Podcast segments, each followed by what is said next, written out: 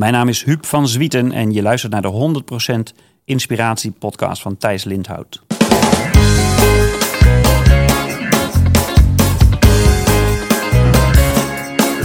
Hey, wat goed dat je luistert. Hij staat weer voor je klaar. Je wekelijkse dosis inspiratie is weer daar.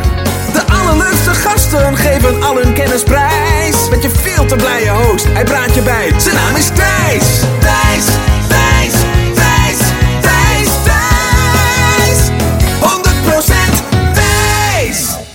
Welkom bij aflevering Intens 120. En in deze aflevering Huub van Zwieten. En waar ken ik Huub van? Ik zat in de zaal bij Huub zo'n zes jaar geleden. Ik denk dat het 2012 was. En daar zat ik in Carré, Theater Carré in Amsterdam. Op een maandagavond. En die avond heette Thank God It's Monday. Die avond werd georganiseerd en gepresenteerd door Huub van Zwieten. Nou, als je mij een beetje kent, dan weet je dat ik ook de theaters onveilig aan het maken ben. En dat Carré ja, toch wel hoog op mijn wishlist staat. Dus toen al ehm, was ik mega onder de indruk van eh, wat Huub die avond neerzette. En vooral dat het hem gewoon is gelukt om Carré te huren en te vullen. Maar ik loop een beetje op mezelf vooruit. Want wie is Huub van Zwieten en wat kun je nou verwachten van dit interview? Eh, laat ik drie eh, dingen noemen die Huub doet. En dan heb je denk ik wel een goed beeld van wie hij is. En dan ben je mega nieuwsgierig en gemotiveerd om dit interview te gaan luisteren. Allereerst, Huub is oprichter van Talent First. En dat is een talentenbureau. Dus je moet bij Talent First zijn als jij uh, jezelf wil ontwikkelen. Als je nieuwsgierig bent uh, welke droombaan nou het beste past bij jouw passies en talenten. Dus voor zowel trainingen als coaching kun je bij Talent First terecht. Maar ook als bedrijf kun je bij Talent First terecht als je het beste uit je team en je teamleden wilt halen. Huub is ook auteur en ik heb hier een rijtje voor mijn neus staan van acht boeken die hij heeft geschreven. Tienduizenden zijn er van over de toonbank gegaan. Onder andere het boek Het Merk Ik. Daar uh, is nu al de veertiende druk van uit. Onweerstaanbaar CV. Uh, de ZZP'er als merk. 365 vakantiedagen. Nou, dat zijn een paar van de titels uh, van boeken die Huub heeft geschreven. Oftewel, Huub die weet wel wat over persoonlijke ontwikkeling en over het vinden van jouw droombaan.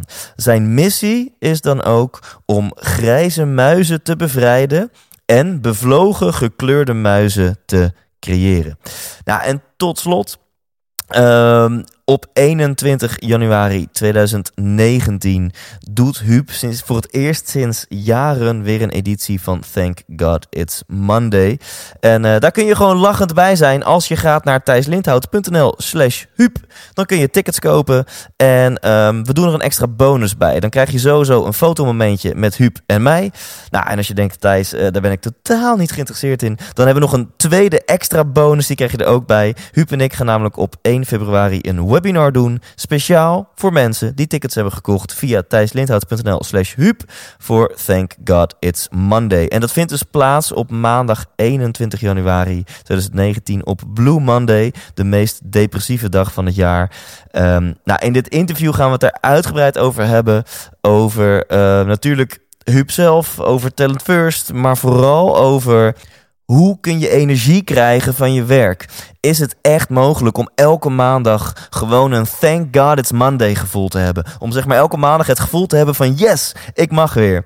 En hier zijn Huub en ik heel serieus over. Het is niet mogelijk om een gelukkig leven te hebben als jij geen energie krijgt van je werk. Als hetgene waar jij je geld mee verdient, als dat energie kost, dan wordt het echt verdomde lastig om lekker in je vel te zitten en happy te zijn. Nou, concrete tips daarvoor, die ga je volle bak krijgen in dit interview. En ik kan je keihard aanraden als je hier meer van wilt. Of als jij voor jezelf die baan van je dromen wilt. Of mensen in je omgeving hebt of kent die je dat gunt. Ga dan heel snel naar thijslindhout.nl slash huub. En daar kun je dus tickets bestellen voor maandag 21 januari. Thank God it's Monday live. Hopelijk tot dan en voor nu een heel goed voorproefje. Hier is Huub van Zwieten. 100% Thijs. Even een stukje context dan voor de luisteraar. Ik zit hier bij jou op kantoor. Een bescheiden kantoortje. Een prachtig paleis heb je hier met Talent First uh, gebouwd. Nou, daar hou ik echt van. Zo'n omgeving dat je zin hebt om je laptop open te klappen. Dat je denkt, ah, kan, eh, kan iemand even een kopje koffie voor me inschenken, laptopje open, gewoon Lekker om- werken. ja, lekker werken. Precies, dat is ook het idee inderdaad eh daarachter. Ja, ehm, dus daar gaan we het ongetwijfeld over hebben. Ehm, we gaan eigenlijk free format dit interview in. Mijn enige voorbereiding was dat ik net even vroeg, hoe jong ben je eigenlijk? En Ja. toen zei je, nou, 51 lentes jong. 51. Ehm, en voor de rest zitten we denk ik al een beetje op elkaars radar afgelopen jaren. Ja, Eh, ik heb zelfs een keer bij jou in de zaal gezeten in Carré. Dus hier zit een jaloers man tegenover je. maar laten we gewoon lekker bij het begin beginnen. ja. Wat wil je worden als je later groot bent? Ehm, ja, ik moest, eh, die vraag had ik natuurlijk aanzien komen. Toen moest ik denken aan, eh, omdat we allebei iets met theater hebben, moest ik denken aan Toon Hermans. Die heeft ooit eens een keer daar een grapje over gemaakt. Dat, dat die vraag gesteld werd aan een jongetje, een klein kind. En dat kind zegt dan van, oh, ik dacht eigenlijk dat ik al, dat ik al, iets, dat ik al iets was. Heel mooi. En dat vind Heel ik mooi. eigenlijk ook wel mooi, want het is natuurlijk een beetje de, de, de spanning of de strijd of de eh, uitdaging om zowel eh, iets te willen worden als iets te zijn. Hè? Dus eh, je, de, is the journey not the destination. Dus, ehm, ehm, dus vo- eh, vooral iets zijn, vooral nu gewoon met toffe dingen bezig zijn, dat, eh, dat is denk ik mijn grootste doel. En eh, wat wil ik dan eh, worden eh, als ik later groot ben? Nou, ik denk dat ik dan heel graag iemand wil zijn die heel trots en met heel veel glimlach op zijn gezicht terugkijkt op allerlei toffe dingen die ik gedaan heb. Ja. Dat lijkt me wel. eh, Met glimlach en trots terugkijken. Mooi.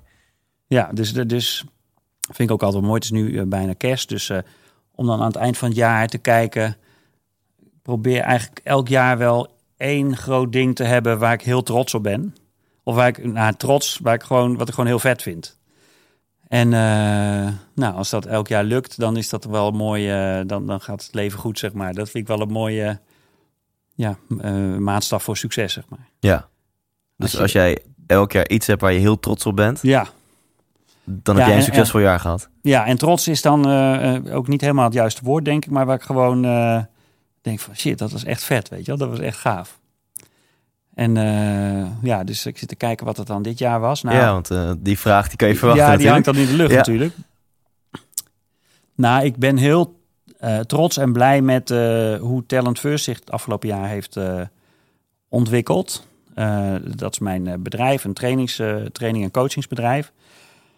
Wat ik al eh, 18 jaar heb. En dat heb ik heel lang als franchise-organisatie gerund. En een jaar geleden zijn we daarmee gestopt. En in een eigenlijk zonder dat ik wist wat het, wat het alternatief was, stopte dat. Omdat we met een overnametraject bezig waren door de franchise-nemers wat niet lukte. En nou, toen viel het eigenlijk een beetje in die constructie uit elkaar. En er was niet echt een plan B, dat had ik ook niet.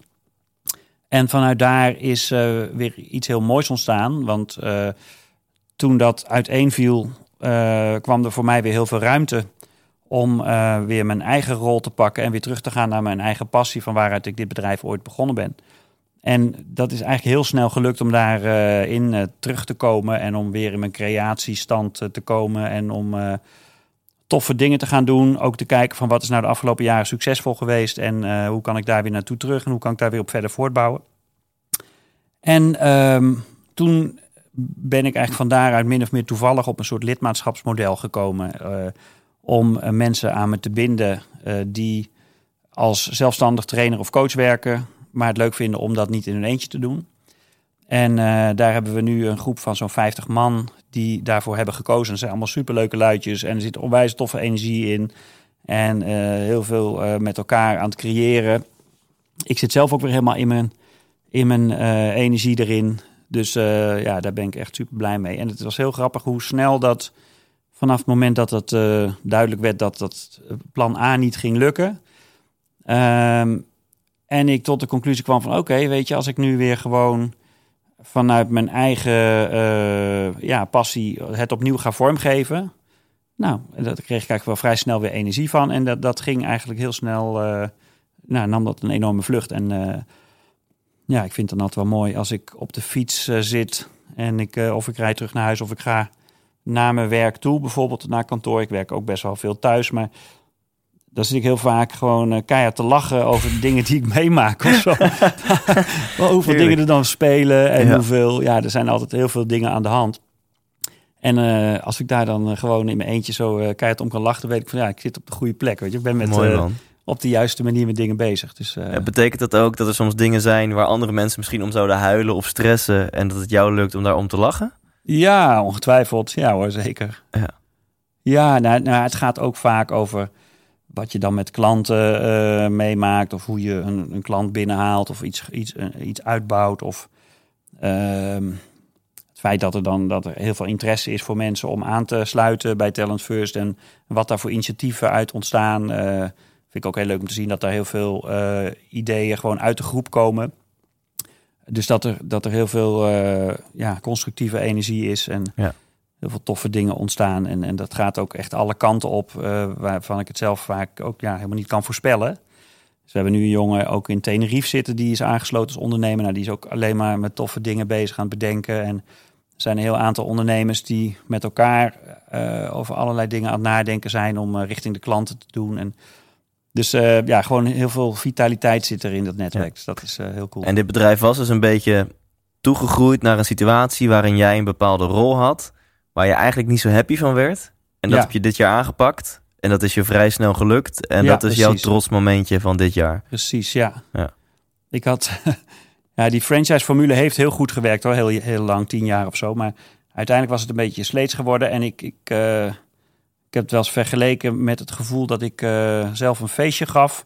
En dat er allemaal mensen kwamen. En die bleven dan vervolgens allemaal heel lang zitten. En... eh, eh, gingen heel veel drinken en gingen zeuren over mijn inrichting en over de zoutjes. En over, het was toch ooit een leuk feestje? ja, precies. En ongetwijfeld zullen de franchise-nemers daar hun eigen versie van hebben vanaf de andere kant. Ja. Want het, het was gewoon uiteindelijk een beetje, eh, een beetje klaar in die constructie. Nee, dus dat is inderdaad mijn, eh, mijn trots momentje van eh, hoe het eh, de afgelopen jaar gelopen is. Ja. Ja, en je zei in een bijzin iets van... Want om die reden ben ik dit bedrijf bijna 20 jaar geleden begonnen. Ehm, wat, wat, wat is die reden? Want er zullen best wat mensen luisteren die eh, misschien nog niet weten wat Talent First is. Dus wil je daar eens wat Ja. over vertellen? Wat, eh, eventjes ja, de golden circle, de why, weet je wel. Wat was jouw missie toen je dit bedrijf eh, startte? Ja, ik werkte destijds bij eh, Randstad. En daar had ik een baan als area manager in Rome.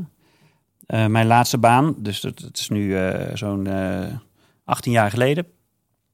Die baan had ik zelf bedacht overigens, dus dat was al heel cool om eh, te ontdekken dat je binnen een grote organisatie gewoon eh, je eigen banen kunt bedenken. Dat was mij een paar keer gelukt. En de laatste keer was dus eh, area manager in Rome.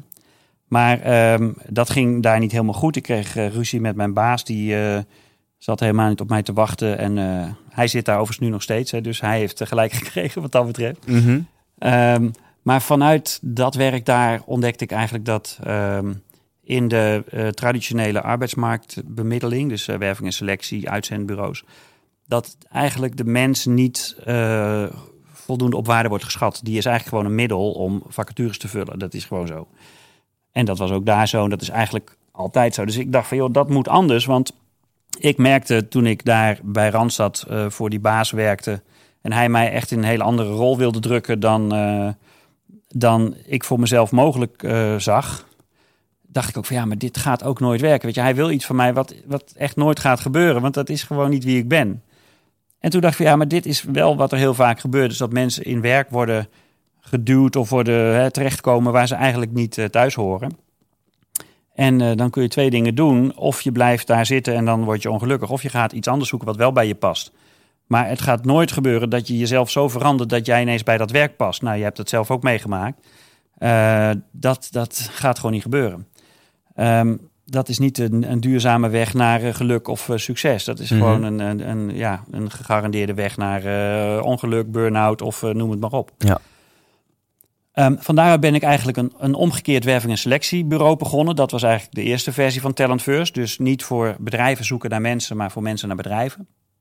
En dat deden we toen, dat was in 2000, deden we echt compromisloos. Dus je, als jij bij mij binnenkwam, ehm, dan keken we wel eerst eh, of je een beetje normaal eh, eh, je naam kon spellen en zo. Weet je, dat was wel een klein drempeltje. Ja. Maar als het zo was, dan gingen we echt met jou aan de slag van... oké Thijs, wat is jouw talent? Wat zijn jouw drijfveren? Wa- Waar, kom jij vandaan? Wat is voor jou? En wat zou je nou echt, echt heel graag willen? En dan gingen wij het gewoon voor je regelen. Dus gingen wij de markt op, bij bedrijven aankloppen. En eh, ja, dan zijn we, we hebben Thijs een aanbieding. En daar moesten bedrijven dan wel flink voor betalen. Dus die moesten gewoon 25.000 gulden betalen als bemiddelingsfee. Dat is overigens een ja, normaal eh, bedrag was dat destijds. Ja. Ehm, en jij kreeg daar dan de helft van. Dus uh, Thijs zeiden wij dan, jij krijgt van ons 12.500 gulden. Wow. Niet in cash, maar als opleidingsbudget. Dus dan uh, gingen wij daarvoor nou ja, het is een, te mooi om waar te zijn, toch? Dat is Ja. echt een uh, utopisch concept. Dus een partij gaat voor mij aan de hand van een scan van mijn passies, van mijn talenten, Ja. waar mijn hartje sneller van gaat kloppen. De whole, de whole shebang. Wij gingen Ja. alles voor jou doen. En dan, en dan vind je de baan van mijn dromen en dan krijg ik ook nog eens 12.500 gulden erbij. Ja, mooi concept, toch? Ja. En werkte dat? Ja, het werkte best wel. eh, want het was toen onwijs hoogconjunctuur. Net als nu eigenlijk. Dus misschien moet ik er wel weer eens opnieuw eh, naar kijken. Want de bedrijven stonden echt in de rij voor goede mensen. En wij hadden die goede mensen, want die kwamen natuurlijk eh, ja, met reden naar ons toe. Want eh, dat was natuurlijk een hartstikke aantrekkelijk concept.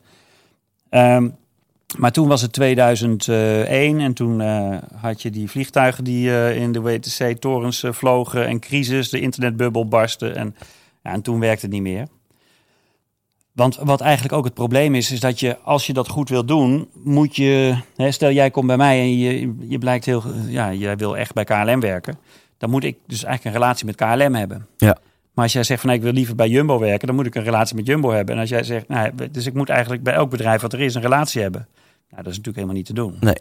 Helemaal als je bedrijven 25.000 gulden in die tijd wilde laten betalen, moet je gewoon een relatie hebben. Dus nou, en, en wij waren met z'n drieën zo, dus dat ging niet goed. En bovendien, toen het crisis was, toen zeiden bedrijven gewoon van joh, Zwieten, je mag best voor mij gaan zoeken, maar als je iemand hebt, dan betaal ik jou pas. Ja. No Q en no pay. En eh, verder moet je gewoon eh, je bek houden. Want Ja. Het, ja, die markt sloeg totaal om. Toen kwam ik er ook achter dat ik eigenlijk dat bemiddelen helemaal niet zo leuk vond.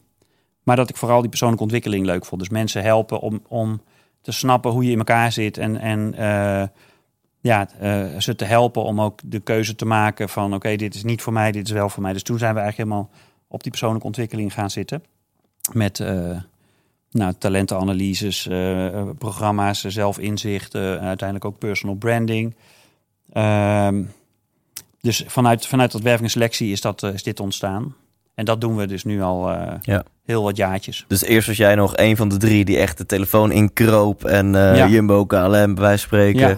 om die deals te sluiten. Ja. En toen dacht je, ja, maar wacht even, waar gaat mijn hart sneller van kloppen? Dat was die ontwikkelingskant. Ja. Dus om de mensen te helpen, het ontdekken van hun krachten en talenten en dat soort ja, dingen. precies. Ja. En dat eh, kan En zomaar ik, ik ontdekte trouwens ook toen dat ik niet eh, de meest ehm, ja, geëquipeerde manager ben of zo. Want eh, helemaal toen het slecht ging, ja, toen was, werd ik ook een soort tiran ineens. want, we zijn bijna failliet gegaan. Ja. Want we hadden natuurlijk allemaal eh, eh, ja, kosten. En als je dan zo'n bemiddeling doet, dan heb je ineens 25.000 euro eh, gulden. Maar dan moet je ook nog de helft van weggeven. Ja. Dus toen ging het eh, ineens heel slecht. En toen ontdekte ik ook van ja, dat moet ik echt niet hebben. Allemaal mensen op de payroll waarvan ik dan, waarvan ik dan verantwoordelijk ben. En, eh, dus dat was ook gelijk een wijze les. Van dat ga ik ook niet meer doen. Dus toen ben ik doorgestart. eh, of tenminste, ik ben niet failliet gegaan. Maar toen, toen heb ik het omgevormd naar eh, een organisatie met franchise-nemers. Dus dat, iedereen, dat ik alleen maar met zelfstandige ondernemers werkte. Ja. En dat is tot op de dag van vandaag eigenlijk nog steeds bevalt dat heel goed. Want ja, ik vind dat gewoon heel leuk om met mensen te werken die voor hun eigen eh, resultaten verantwoordelijk zijn en, en Ja. gekozen hebben voor zelfstandig ondernemerschap. Want die franchise-nemers, dat zijn zeg maar loopbaancoaches. Dat zijn de mensen die er dus voor zorgen dat mensen worden gematcht met een ideale baan. Nee, dat niet. Oh. Nee, dit, dat, ehm, dat bemiddelen hebben we in die begintijd losgelaten. Oké. En we doen nu eigenlijk alleen maar ja, de voorwas, zeg maar. Dus helpen mensen om in te zien wat ze in huis hebben, zodat ze zelf beter weten welke baan eh, voor hen eh, Ja. de beste is. Maar eh, tegelijkertijd doen we ook heel veel programma's voor eh, het bedrijfsleven als het gaat om eh, leiderschap. Dus mensen helpen van hoe ben ik nou de juiste persoon in een bedrijf? Hoe haal ik er nou het beste uit mezelf? Hoe kan ik daar mijn team mee helpen? Hoe kan ik de beste keuzes verderop in mijn carrière maken? Ehm, dus leiderschapsprogramma's, management development, trainee-programma's. Ja. Eigenlijk alles wat gaat over persoonlijke ontwikkeling. Hey, en waar is die passie bij jou ontstaan voor persoonlijke ontwikkeling? Eh, we- Weet je dat bij jezelf, waar, waar die drive eh, vandaan komt? Ja, ik, ehm, ja, ik weet wel dat mijn, eh, mijn vader, toen ik jong was vroeger, die, eh, ja, mijn vader was politieagent en die, eh, daarvoor had hij in het leger gezeten in Nederlands Oost-Indië geweest, of hoe heet het, Nederlands-Indië. Eh, als 18-jarig jochie daar gevochten en later bij de politie terechtgekomen. En daar liep hij eigenlijk heel erg tegen zichzelf aan. Ehm, Hij was een echte hardliner, dus een, een, een, een ja, politieagent van de oude stempel. En het was iemand die uh, niet goed om kon gaan met veranderingen in de maatschappij, de jaren 60, jaren 70, waarin eigenlijk de maatschappij veel socialer werd. En uh, weet je, was het ook gewoon normaal om naar mensen te luisteren. Maar mijn vader was meer van de gummiknuppel. Dus dat ging eigenlijk mis. Dus er kwam een, een, uh, een ja, grote gap tussen wie hij was en wat hij altijd succesvol had gedaan en wat er nodig was. En dat ja, arme man uh, liep daarin uh, en ook nog met, met PTSS ongetwijfeld mm. uit zijn vroegere leven. Ja. Dus die liep echt uh, falikant tegen overspannenheid aan. Burnout was toen nog niet uitgevonden, heette toen nog gewoon overspannen. En dat heeft hem in zijn leven heel veel verdriet eigenlijk opgeleverd. Want daardoor ja, was hij thuis niet, niet te harde. Ouders uiteindelijk gescheiden. En ook, ik kom uit een gezin van zeven kinderen, waarvan hij er uiteindelijk maar uh, drie nog zag toen hij stierf. Dus met anderen was hij gebrouilleerd. Dus echt één groot drama. Dus ik denk dat het daar een beetje het zaadje is geplant. Van dat ik zag wat voor impact werk heeft op wie je bent. Ja. Hè, want als je werk niet leuk is, ben je zelf niet leuk. Het is gewoon zo simpel. Misschien ken je wel voorbeelden van mensen die gewoon eigenlijk het verkeerde werk doen. Ja, je wordt er gewoon niet leuker van. Weet je, het heeft zoveel impact op wie je bent. Ja. Terwijl aan de andere kant zie je ook dat heel veel mensen toch genoegen nemen met een baantje waar ze eigenlijk helemaal niet zo happy in zijn. En nou, ik had dus zelf de ontdekking dat ik uh, dat je gewoon je droombaan zelf kunt uh, creëren, zeg maar. En dat je daar gewoon veel meer keuzes in hebt dan uh, veel mensen zich realiseren. Nou, op een gegeven moment ben ik zelf, mijn vader overleed toen een jaar of 20, 21 geleden. Toen kwam er een klein beetje geld vrij. dat heb ik eigenlijk allemaal in persoonlijke ontwikkeling gestoken. Uh, ik ben begonnen met Essence en uh, nou, ook naar En dat is een training? Of, uh... Essence is een, een trainingsorganisatie hier in ja. Amsterdam. persoonlijke ontwikkeling. Heel intensief, heel, ja, hele mooie programma's. Nou, daar moesten ook allemaal vrienden, heb ik daarmee naartoe getrokken en zo, weet je, als een soort missionaris. Ja. En daar is bij mij een beetje ontstaan. Ehm, en ook wel, ik weet ook nog dat ik tijdens mijn Randstadperiode, dat was dus in de periode daarvoor, ja, toen was ik ook al heel erg getriggerd daar eigenlijk door. En toen, toen ik weet nog dat ik een keer Marines Knopen, ik weet niet of die naam je iets zegt. Dat is een, uh, een man die heeft ook een aantal boeken geschreven, onder andere de Creatiespiraal. Die was toen een keer bij Randstad uitgenodigd. En zijn verhaal over hoe je, ja, hoe, hoe ja, het gaat eigenlijk over hoe je dingen creëert of hoe je eigenlijk effectief. Het is een beetje bijna Stephen Covey Seven Habits-achtig, maar dan iets anders super gefascineerd was ik daardoor. Dat boek heb ik ook echt uh, ge, ja, een aantal keren gelezen. Ik weet nog dat ik een keer op vakantie ging met mijn vrouw en met mijn vriendin destijds. En toen heb ik haar de hele reis naar Frankrijk dat hele boek voorgelezen. Wauw. echt als een soort mania. Wauw. Dus ik was toen, ja, daar was ik, ging ik helemaal op aan. Omdat ik zag van, ja shit, je hebt daar gewoon zoveel meer keuzes dan veel mensen zich uh, realiseren of zich, zich uh, permitteren. En dus dat vond ik geweldig. En ja, van daaruit is het ook. Nou, jij bent natuurlijk ook veel bij eh, Tony Robbins geweest. Daar ben ik ook heel wat keren geweest. Die heeft ook heel veel voor mij gedaan op dat vlak. En ik vind het zo cool om uh, mensen daarin mee te nemen. Weet je wel? Om mensen ook te laten zien van, dat de manier van denken heel erg bepalend is. Hoe je leven eruit ziet. En dat je jezelf gewoon veel meer resultaten kunt, kunt geven als je daar stappen in maakt. Dus ja, en het is ook gewoon een is ook gewoon een skill, weet je. Het is ook gewoon een ambacht. Dat is ook gewoon door oefenen en door dingen op andere manieren te doen... kun je gewoon echt een ander leven hebben, een leuke leven hebben. En, en het is een lastige vraag hoor, maar jij kan dit, denk ik, hier antwoord op geven. hoe, hoe komt het, denk je, dat... want je noemt het net van, uh, ja, je werk bepaalt heel erg wie je bent. Heeft gewoon een heel grote impact op je leven. Ja. En je benoemde nou heel wat mensen die, die zitten gewoon niet op hun plek. Die hebben niet een baan waar ze, waar ze energie van krijgen of die bij hun past. En ja. dan word je gewoon geen leuke persoon van. niet nee. voor jezelf en niet voor je omgeving. Dan zit je nee. niet meer glimlachend op de fiets. Nee. Uh, en heb je natuurlijk kunnen en willen. Hè? Er zijn natuurlijk heel veel mensen die, die weten dat ze niet op hun plek zitten. Uh, dus ze willen heel graag wel op een plek zitten. Ja. Maar, maar, maar, voor hun gevoel kunnen ze niet. Hè? Van hoe dan?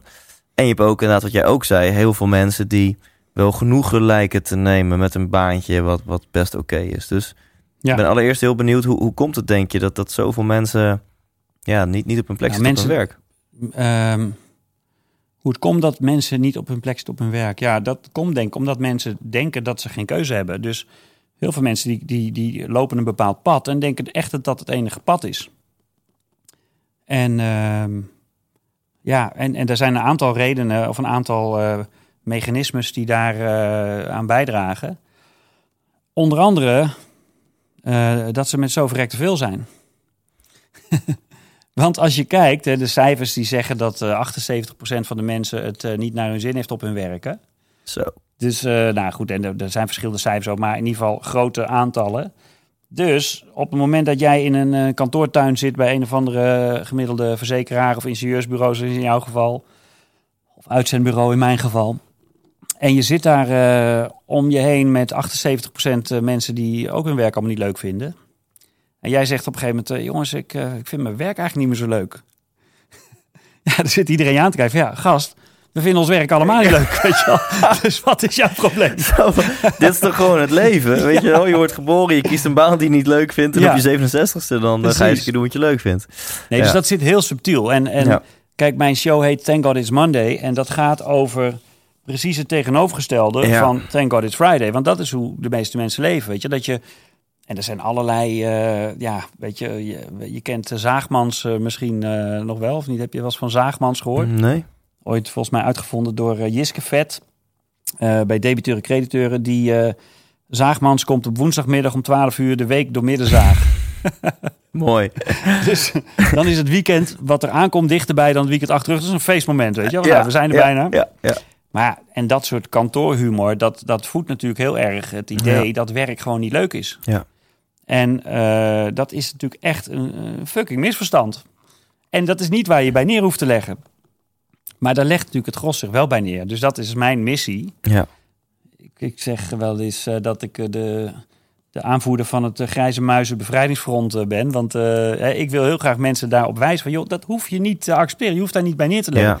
Sterker nog, ja, ik wil heel graag... ik gun iedereen, en niet alleen voor hun, maar ook voor mezelf... ik gun iedereen dat, dat je gewoon op een plek zit waar je werk leuk vindt. Want het is zo anders als je uh, in een winkel komt bijvoorbeeld en je merkt dat iemand daar echt onwijs veel lol in zijn werk heeft. Het is ja. gewoon zo leuk, ja. zoveel leuker ja. dan dat je merkt dat iemand gewoon zijn, zijn dingetje aan doen is om zijn geld te verdienen. Ja. Ik uh, heb het altijd als ik uh, bediend word in een restaurant of café of whatever. Het interesseert me echt geen reet als je mijn bestelling vergeet en je komt verkeerde dingen brengen. Nee. Echt, I don't care. Maar als jij, als ik merk dat jij het leuk vindt om mij te helpen. Als ik merk ja. dat jij echt geïnteresseerd bent of, of ik het naar mijn zin heb en of ja. ik het lekker vind en zo, dan heb ik de tijd van mijn leven. Ik ja. denk vaak van zo moeilijk is het volgens mij niet om dit nee. goed te doen. Maar goed, dan moet je daar gewoon een maar beetje. Maar het heeft hiermee te maken, want, want dat is ook typisch zoiets. Dat, en dat is wel een beetje de ontdekking waar ik mijn bedrijf op gebouwd heb. Dat je dat dus gewoon uh, kunt onderzoeken bij jezelf. Dus dat je Kijk, uh, de ene persoon die kan echt aangaan op het bedienen van mensen in een uh, restaurant. En andere mensen kunnen daar echt niet, zijn daar echt niet uh, met een stok toe te, te bewegen, zeg maar. Ja, ja. En dat kun je gewoon mee, kun je onderzoeken van jezelf. Wat is nou hetgene wat bij jou past? En wat, ja, en dat is zo essentieel. Ja, want antwoord op de eerste hoe-vraag, hè, van hoe komt het dat zoveel mensen het niet naar hun zin hebben? Nou, eigenlijk was jouw antwoord op de vraag, omdat zoveel mensen het niet naar hun zin ja, hebben. Precies. Omdat je met 80% ja. bent. Ja. ja, lijkt bijna alsof dit normaal is. Dit is de norm precies. geworden. Ja.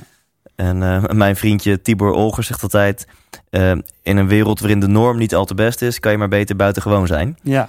Dat vind ik een mooie uitspraak. En dan de, de tweede belangrijke hoe-vraag, die ging je volgens mij nu beantwoorden. Van, ja, maar hoe, hoe zou je dan wel, zeg maar andere keuzes kunnen gaan maken, ontdekken wat dan wel bij jou past en daar actie aan koppelen. Maar dat begint dus bij uh, uh, mindset, waar jij het ook in jouw show over hebt. Maar mindset in mijn geval bedoel ik daarmee het geloof dat het uh, kan. Ja. Dus dat, dat is een switch om, en ja, wat mij betreft helpen rolmodellen daar heel goed in. Hè? Dus het gewoon laten zien of verhalen delen van mensen die dat inderdaad gedaan hebben.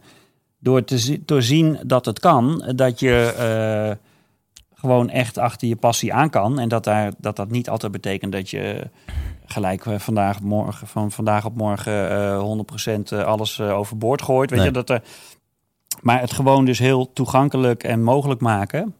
Uh, dat is de eerste stap. Dus mensen moeten echt die knop omzetten eerst. Van oké, okay, weet je wel. Dus ik hoef niet hier uh, als accountmanager Delta Lloyd uh, tot mijn 67 af te wachten. Ja. Tot de pensioenleeftijd alsnog verhoogd is tot 70. Ja dat is niet de enige route. Ik kan ook gewoon andere keuzes maken. En, en je kan het ook in hele kleine stapjes, uh, weet je, kan je mensen daarin helpen en laten zien hoe ze dat kunnen doen. En dus dat is denk ik, uh, ja, die hoe-vraag begint daarmee. Ja, dus je noemt inderdaad een stukje geloof. Hè? Geloof dat het echt wel kan. Ja. Een plek waar jij wel energie krijgt. Ja. Eh, de wil, die Ja. noem je ook. Ja. Dan zie ik het een beetje als het verhogen van je standaard. Nou, de wil, die, die, Ja? die wil, die, daar, ehm, die komt vanzelf volgens mij. Als je ziet dat het kan, als je ineens, dan gaat die wil volgens mij daar wel achteraan. Als je ontevreden bent.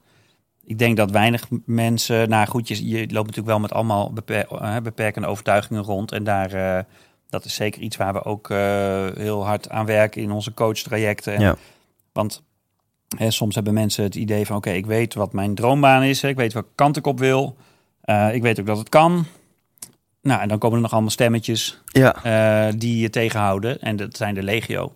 En dus dat gaat van eh, ik ben er te oud voor, of ik ben er te jong voor, of ik heb er geen geld voor, of ik heb er te veel geld voor, of ik ben er te slim voor, of te dom voor, of eh, het mag niet van mijn vrouw, of ik, ik, heb niet de juiste opleiding. Ik- ik gun het mezelf ervaring. niet. Kan natuurlijk ook. Gun het mezelf niet, ja. Of straks heb ik succes en ik ben bang voor succes. Op onbewust niveau, ja. Maar, maar begint het niet juist wel met de wil? Begint het niet juist met voor jouw gevoel de standaard van... ik weet nog niet hoe, maar ik wil gelukkig worden van mijn werk. Ik wil energie halen uit mijn werk. Dat is mijn standaard. Ik heb het nu niet. Ik weet niet hoe ik daar ga komen. Maar dat ik daar wil komen, dat is Ja. een feit. Is, is dat niet het, het startpunt? Ja, weet ik niet. Het is een beetje een semantische discussie misschien. Want kijk, op het moment dat jij denkt dat dat niet kan, dan heb je die wil ook niet. Ja, ja. Toch? Dus als jij eh, om je heen ook altijd alleen maar gezien hebt van ja, en je krijgt dat ook nog dagelijks op allerlei manieren mee. Van werken is nou helemaal niet leuk, weet je wel. Ja, eh, eh, daar hebben we dat weekend voor, weet je wel. Of eh, nou, werken moet je toch werken als een soort noodzakelijk kwaad. Hè? Of Ja. een soort hinderlijke onderbreking van het weekend, zeg maar. En, en, dan, en als je dat in je omgeving van iedereen ziet en, en van je collega's en van je, je, je vader was ook al zo.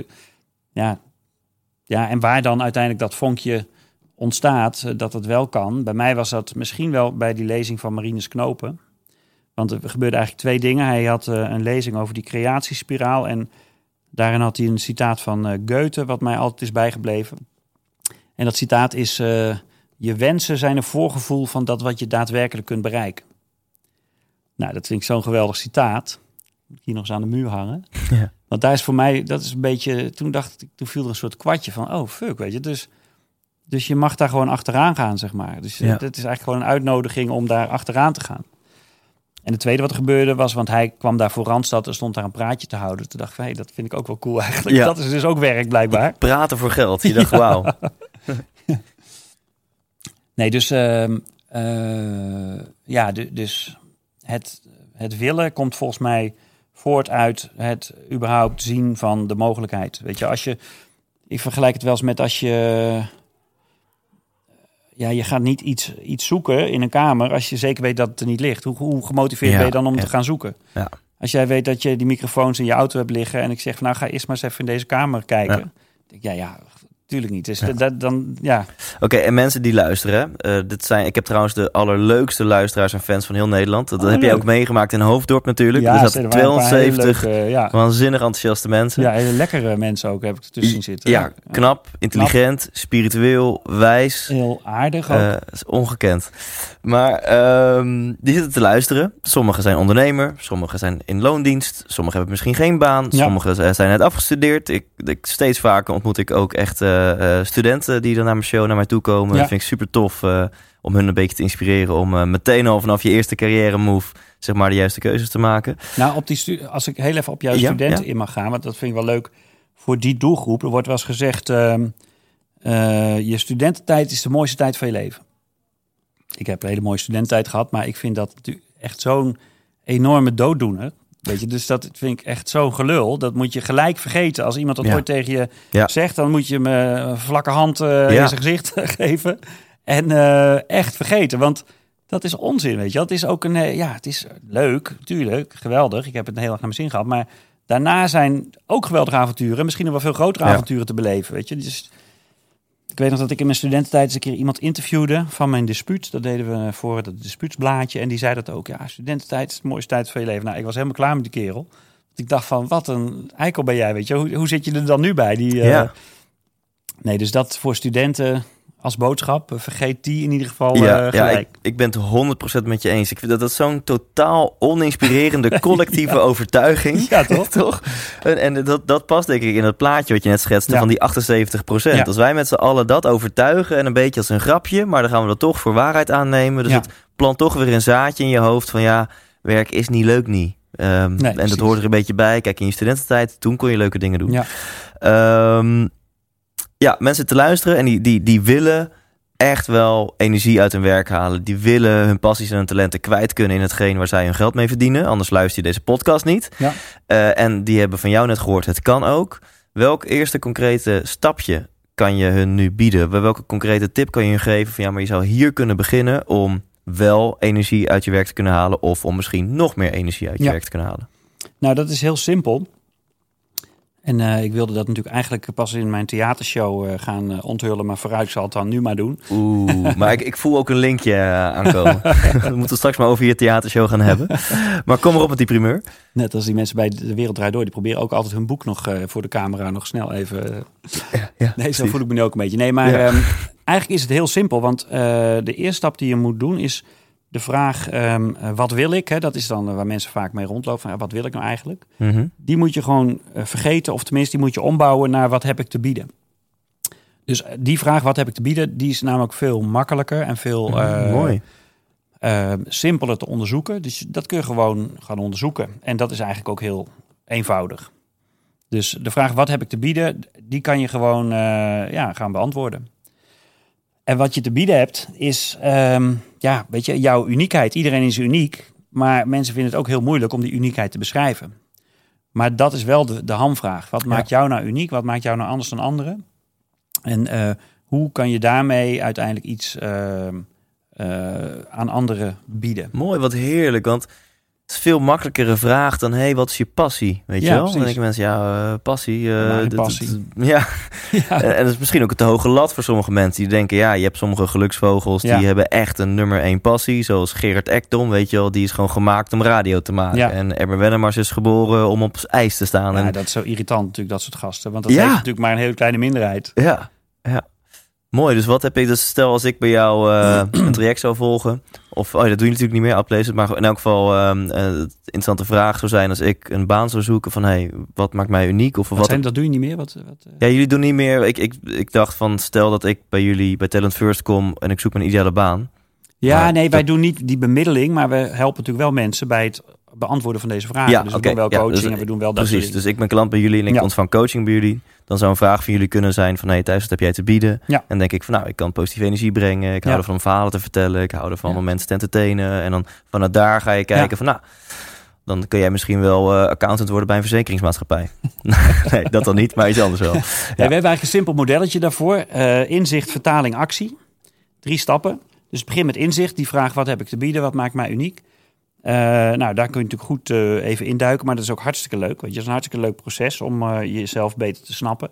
Dus het gaat over drijfveren, het gaat over talenten, maar het gaat ook over overtuigingen. Of hè, waar kom je vandaan? En, en nou, we gaan daar ook in die show heel veel dingetjes mee doen. Je kunt daar wel, wel 20, eh, of 30, 50, weet ik veel, verschillende insteken voor verzinnen. Om die vraag te beantwoorden. Wat maakt jou nou anders dan anderen? En dat is onwijs leuk. Want mensen besteden niet zo heel veel tijd om gewoon echt goed over zichzelf na te denken. En ja, eh, met alle respect voor de rest van de wereld, maar jij zelf bent toch best wel interessant voor jezelf. Hè? Het is gewoon eh, Ja. hartstikke leuk om daarover na te denken. Maar dat vervolgens vertalen, dat is de tweede stap.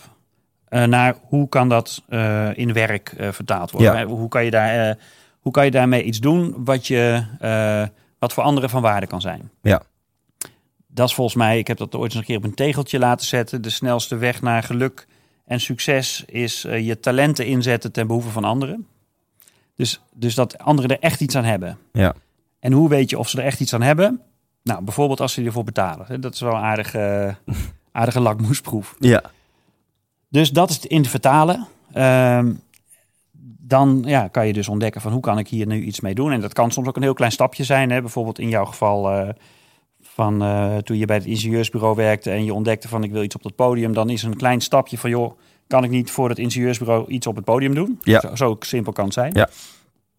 En ehm, de laatste stap is actie. En dat is het ook echt daadwerkelijk gaan organiseren. Ja. Dus niet eh, denken van oké, ik weet nu wat ik eh, te bieden heb en ik weet ook hoe dat zou. hè, maar ik, ik ga vervolgens wachten tot mijn baas mij toestemming geeft om Ja. dit te gaan doen. Dus Ja. moet het dan ook uiteindelijk gaan doen. En in die tweede stap van vertalen, daar zit ook personal branding, wat een onderwerp is waar ik veel Oh, mee ja. gedaan heb. Eh, dus eh, hoe kun je nou heel duidelijk maken aan anderen wat, eh, wat, jou, wat jij te bieden hebt? Nou, dat is natuurlijk ook een leuk onderwerp. Hoe kun je dat uitdragen middels communicatie, middels nou, op alle manieren. Dus stap 1, hè, wat heb jij te bieden? Stap Ja. 2, bij wat voor organisatie of bij wat voor type job past dat? Ja, of hoe kan dat voor anderen van waarde zijn? Hè? Dat is bredere, want het kan natuurlijk ook als ZZP'er of het kan eh, ja, op allerlei Oh ja, manieren. precies. Ja. Eh, dus stap 2 is eigenlijk vertaal dat naar een, Ja. een werksituatie, Ja. zeg maar. En stap 3, actie of onze vriend Ilko zou zeggen KMDB. Knallen Ja. met die ballen. Knallen met die ballen. Ja, Hè, je kan niet alleen maar eh, mooi visualiseren en mooie plannen maken. En Nee. het allemaal op papier heel mooi schetsen en aan de muur hangen. En je kan er better sheets van laten bedrukken. Heel mooi. Maar je moet ook gewoon uit die comfortzone en je moet gaan knallen. Nee, precies. En, en in die laatste fase, daar heb ik de laatste tijd ook wel eh, eh, eh, veel extra interesse. Want dat eh, gaat ook over echt verantwoordelijkheid nemen, zeg maar. Ja. En, en ownership en, en ervoor gaan staan. En ook jezelf organiseren. Want, want zoveel eh, mooie dromen gaan er ook verloren. eh, sterven in schoonheid omdat iemand gewoon zijn shit niet op orde heeft. Omdat hij een, een inbox met 5000 mailtjes heeft. Of omdat hij zijn, zijn time management niet... eh, weet je, dus jezelf organiseren om het ook gedaan te krijgen. Of omdat iedereen, of omdat iemand veel te veel eh, zuipt in het weekend, of omdat hij Ja. alleen maar eh, op de bank hangt. Weet je, dus er zit ook Ja. heel veel op, die, op dat stuk van eh, echt in actie komen. Daar is ook een heleboel mee te geven aan mensen. Vind ik ook leuk, want dat kan ook het verschil maken. Ja, ik vind het mooi dat je deze voorbeelden noemt. Hè? Van eh, bijvoorbeeld, je hebt je inbox niet op orde, of je hebt time management niet op orde, of je zuipt te veel, whatever. Want nu noem je er drie of vier, en ik denk dat er vier miljard zijn. Ja. Eh, en daarom geloof ik zo heilig in dat na een tijdje kun je het niet meer zelf. En helpt het enorm als je professionele hulp krijgt Ja. van een coach, van iemand die hier verstand van heeft. Want die kan dat soort dingen aanwijzen bij Ja, jou. Van hé, hey, maar wacht even, je moet dit op orde brengen. En ehm, dan helpt een boek met tien stappen of een seminar met vijf stappen helpt misschien veel minder. Omdat het echt om jouw persoonlijke verhaal gaat met jouw persoonlijke patronen en overtuigingen. ja. Waar jij er net al een paar van, eh, van noemde. Ja, precies. Ja, ja en dat is wel leuk hoor. Om, eh, wat het, in mijn geval dan, eh, voor mezelf sprekend. Ik vind het zo leuk eh, om gewoon eh, te, eh, creërend wezen te zijn. Weet je, te zien dat er allerlei dingen uit je handen komen. En eh, eh, grote uitdagingen waar je dan je tanden in zet. En wat het dan lukt. Weet je, dat is, ja, ik vind dat zo leuk. En, en eh, dat, dat is voor mij wel, eh, daar komt bij mij wel het ultieme geluksgevoel eh, vanuit werk in ieder geval vandaan. Ja, want wat is dat voor jou? Want eh, straks je noemt iets van theater en ik zie hier ook twee posters aan de muur hangen waar we het straks nog over, eh, over gaan hebben. Ja, Ehm, maar, maar wat is dat voor jou, voor jouw gevoel? Waar komen jouw, ehm, eh, waar komt jouw uniekheid, jouw passies en talenten samen, zeg maar? Ja als ik kijk naar de eh, momenten dat ik eh, zo terugkijkend eh, op zo'n jaren waar we het in het begin over hadden.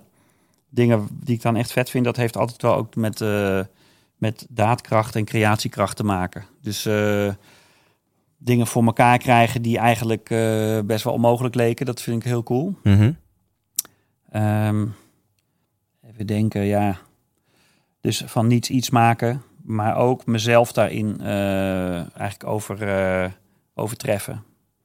Dus dat ik ook dingen, eh, ja, hoe zal, ik eens een voorbeeld geven?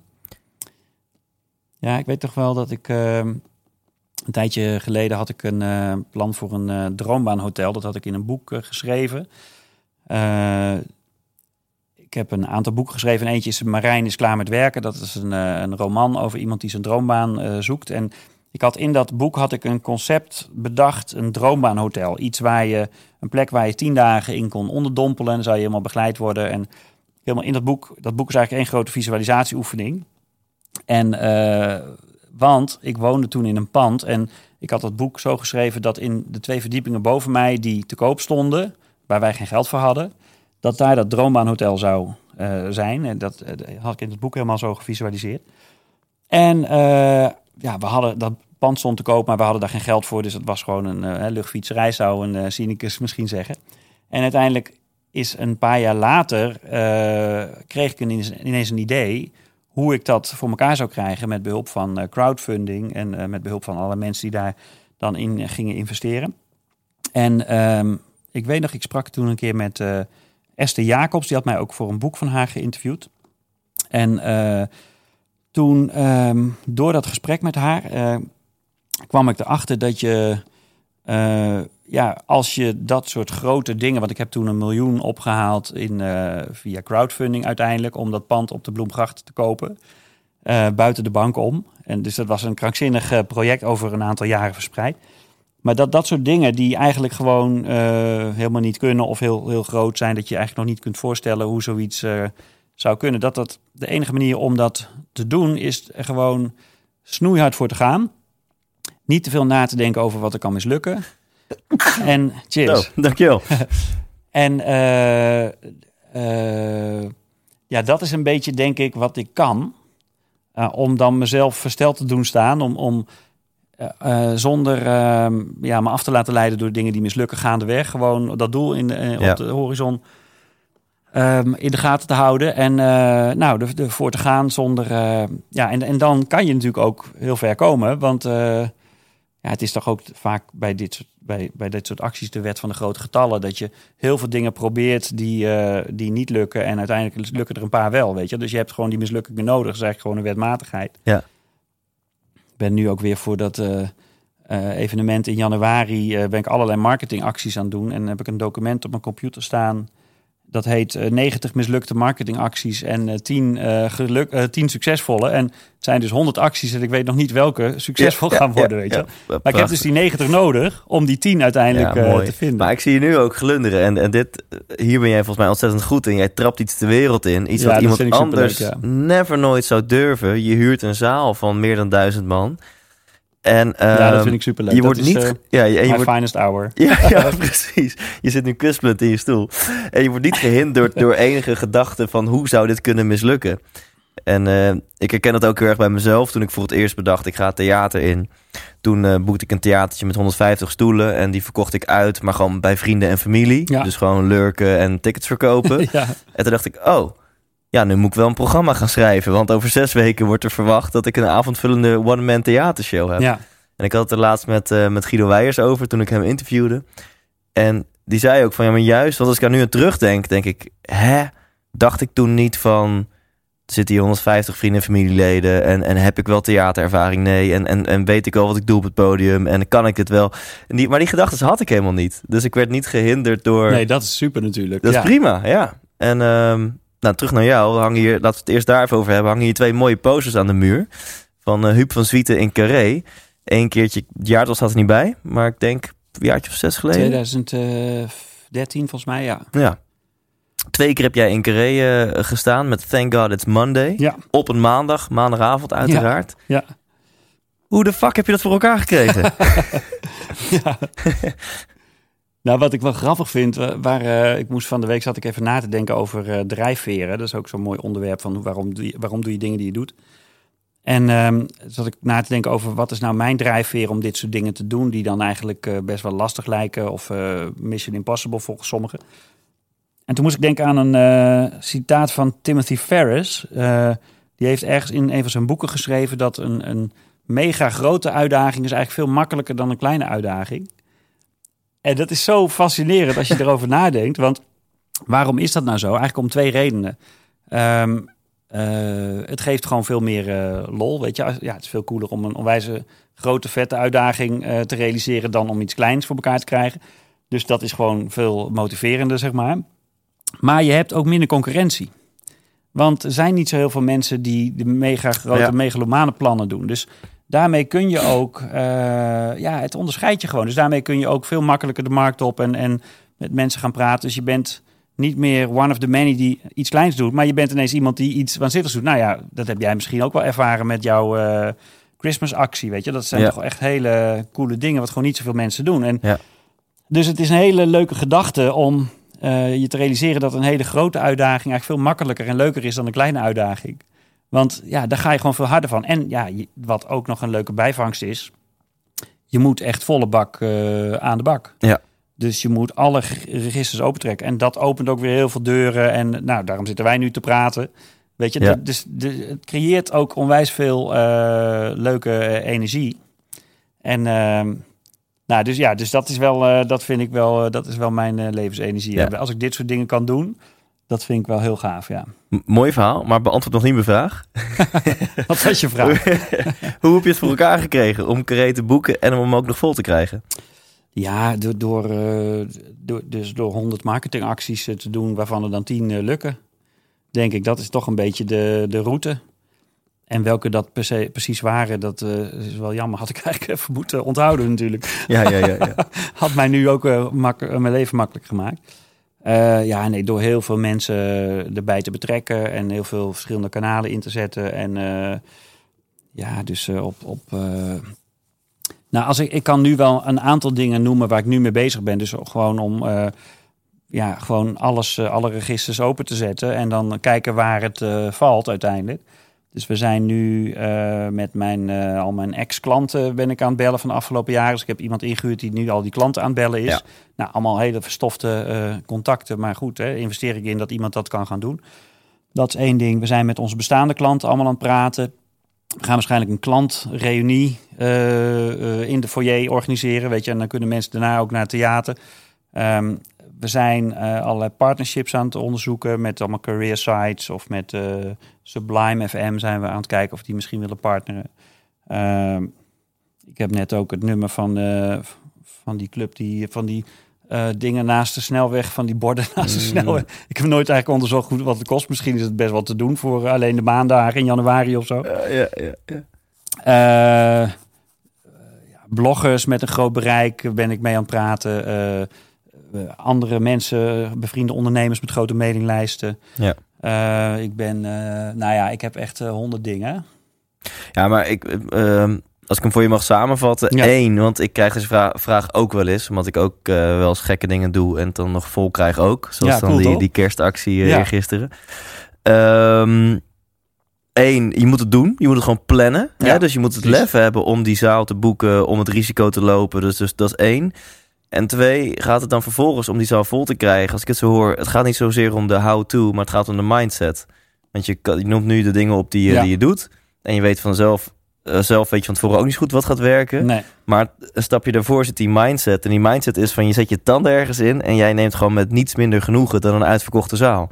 No way dat er straks 300 stoelen gevuld zijn ja. eh, van, de, van de 1100 of weet ik veel hoeveel je er Ja. hebt. En ik denk dat dat iets is waar, eh, nou, als mensen luisteren en ook wat hun dromen of doelen ook zijn, of wat hun gekke maniak actie ook zou mogen zijn in de toekomst, zet gewoon je tanden erin. Ja, En je maakt vanzelf wel een lijst van 100 dingen die je zou kunnen doen om het vol te ja krijgen. precies. Ja. En dan gewoon, eh, en dan gewoon gaan. En ik hoor dan ook in jou, je denkt niet van, hé, hey, hoe kan ik stoeltje voor stoeltje die 1100 stoelen vullen? Maar je denkt heel erg van, hé, hey, hoe kan ik gaan teamen met mensen die misschien wel 50 stoelen kunnen vullen? Of misschien 100 Ja. of 10. En want dan hoef je ineens, ja heb je of als een mensen met een eh, hockeyteam komen of Precies. met een nieuwjaarsborrel of eh, weet je, met je afdeling of whatever. Dat soort. Ja. eh, maar en, en er zit ook nog wel wat anders in. Eh, als het nou toch niet lukt, weet je wel, dan ben ik ook niet eh, het hele jaar eh, van, het van mijn water of zo. Want ja, weet je wel, er komt ook nergens. eh, ja, het kost dan misschien wel ne- een beetje geld of zo, maar het is niet eh, dat mijn leven ervan afhangt. Ja. Maar dus dat, dat vind ik eigenlijk wel. Een, dus daarom zei ik ook net van ik ben eigenlijk niet van plan er stress over te hebben. Want weet je, toch vol ervoor gaan en 24 uur per dag bij wijze van spreken ermee bezig zijn. Maar ehm, ja, het, het, het hangt niet, eh, mijn persoonlijke geluk hangt er niet vanaf, zeg maar. Nee, nee dat, dat, dat is heel mooi. En dan toch nog één dingetje voordat we verder gaan over die avond. Want hier noem je iets heel waardevols. Je zegt, als mijn, mijn persoonlijke geluk hangt er niet van af. Terwijl ik heb zoveel eh, topsporters eh, mogen ontmoeten, interviewen en, en, en zien, proeven, ruiken. En die hebben dat echt wel. Als die dan niet winnen, dan stort ook hun persoontje in, weet je wel? Ja, maar en vond- heel veel mensen kunnen hierin relateren. Van ja, maar ik moest dit bereiken of dat, Ja. het is niet gelukt. En dan, dan zien ze niet van mijn project heeft gefaald, maar die zien dan ik heb gefaald als persoon. Ehm, en dat, Ja, dat, maar dat, jij gaat daar helemaal niet over. Hè? Dat is natuurlijk wel ook belangrijk om je te beseffen. nou, dat vind ik al heel mooi. Ja, Ja. daar ga jij natuurlijk helemaal niet over. Jij kan alleen maar je stinkende best doen. En of het lukt of niet, ja, dat is, ja, weet je, dat, dat heb je helemaal niet in de hand. Ja, dus je kan alleen maar op die input, eh, kan je vol gas geven. Nou, ik vind het een hele mooie nuance die je op de maakbaarheid geeft. Hè? Want je Ja. kan zeggen het is maakbaar. En als jij gewoon honderd dingen doet en bla bla bla, dan, dan ga je die duizend stoelen vullen.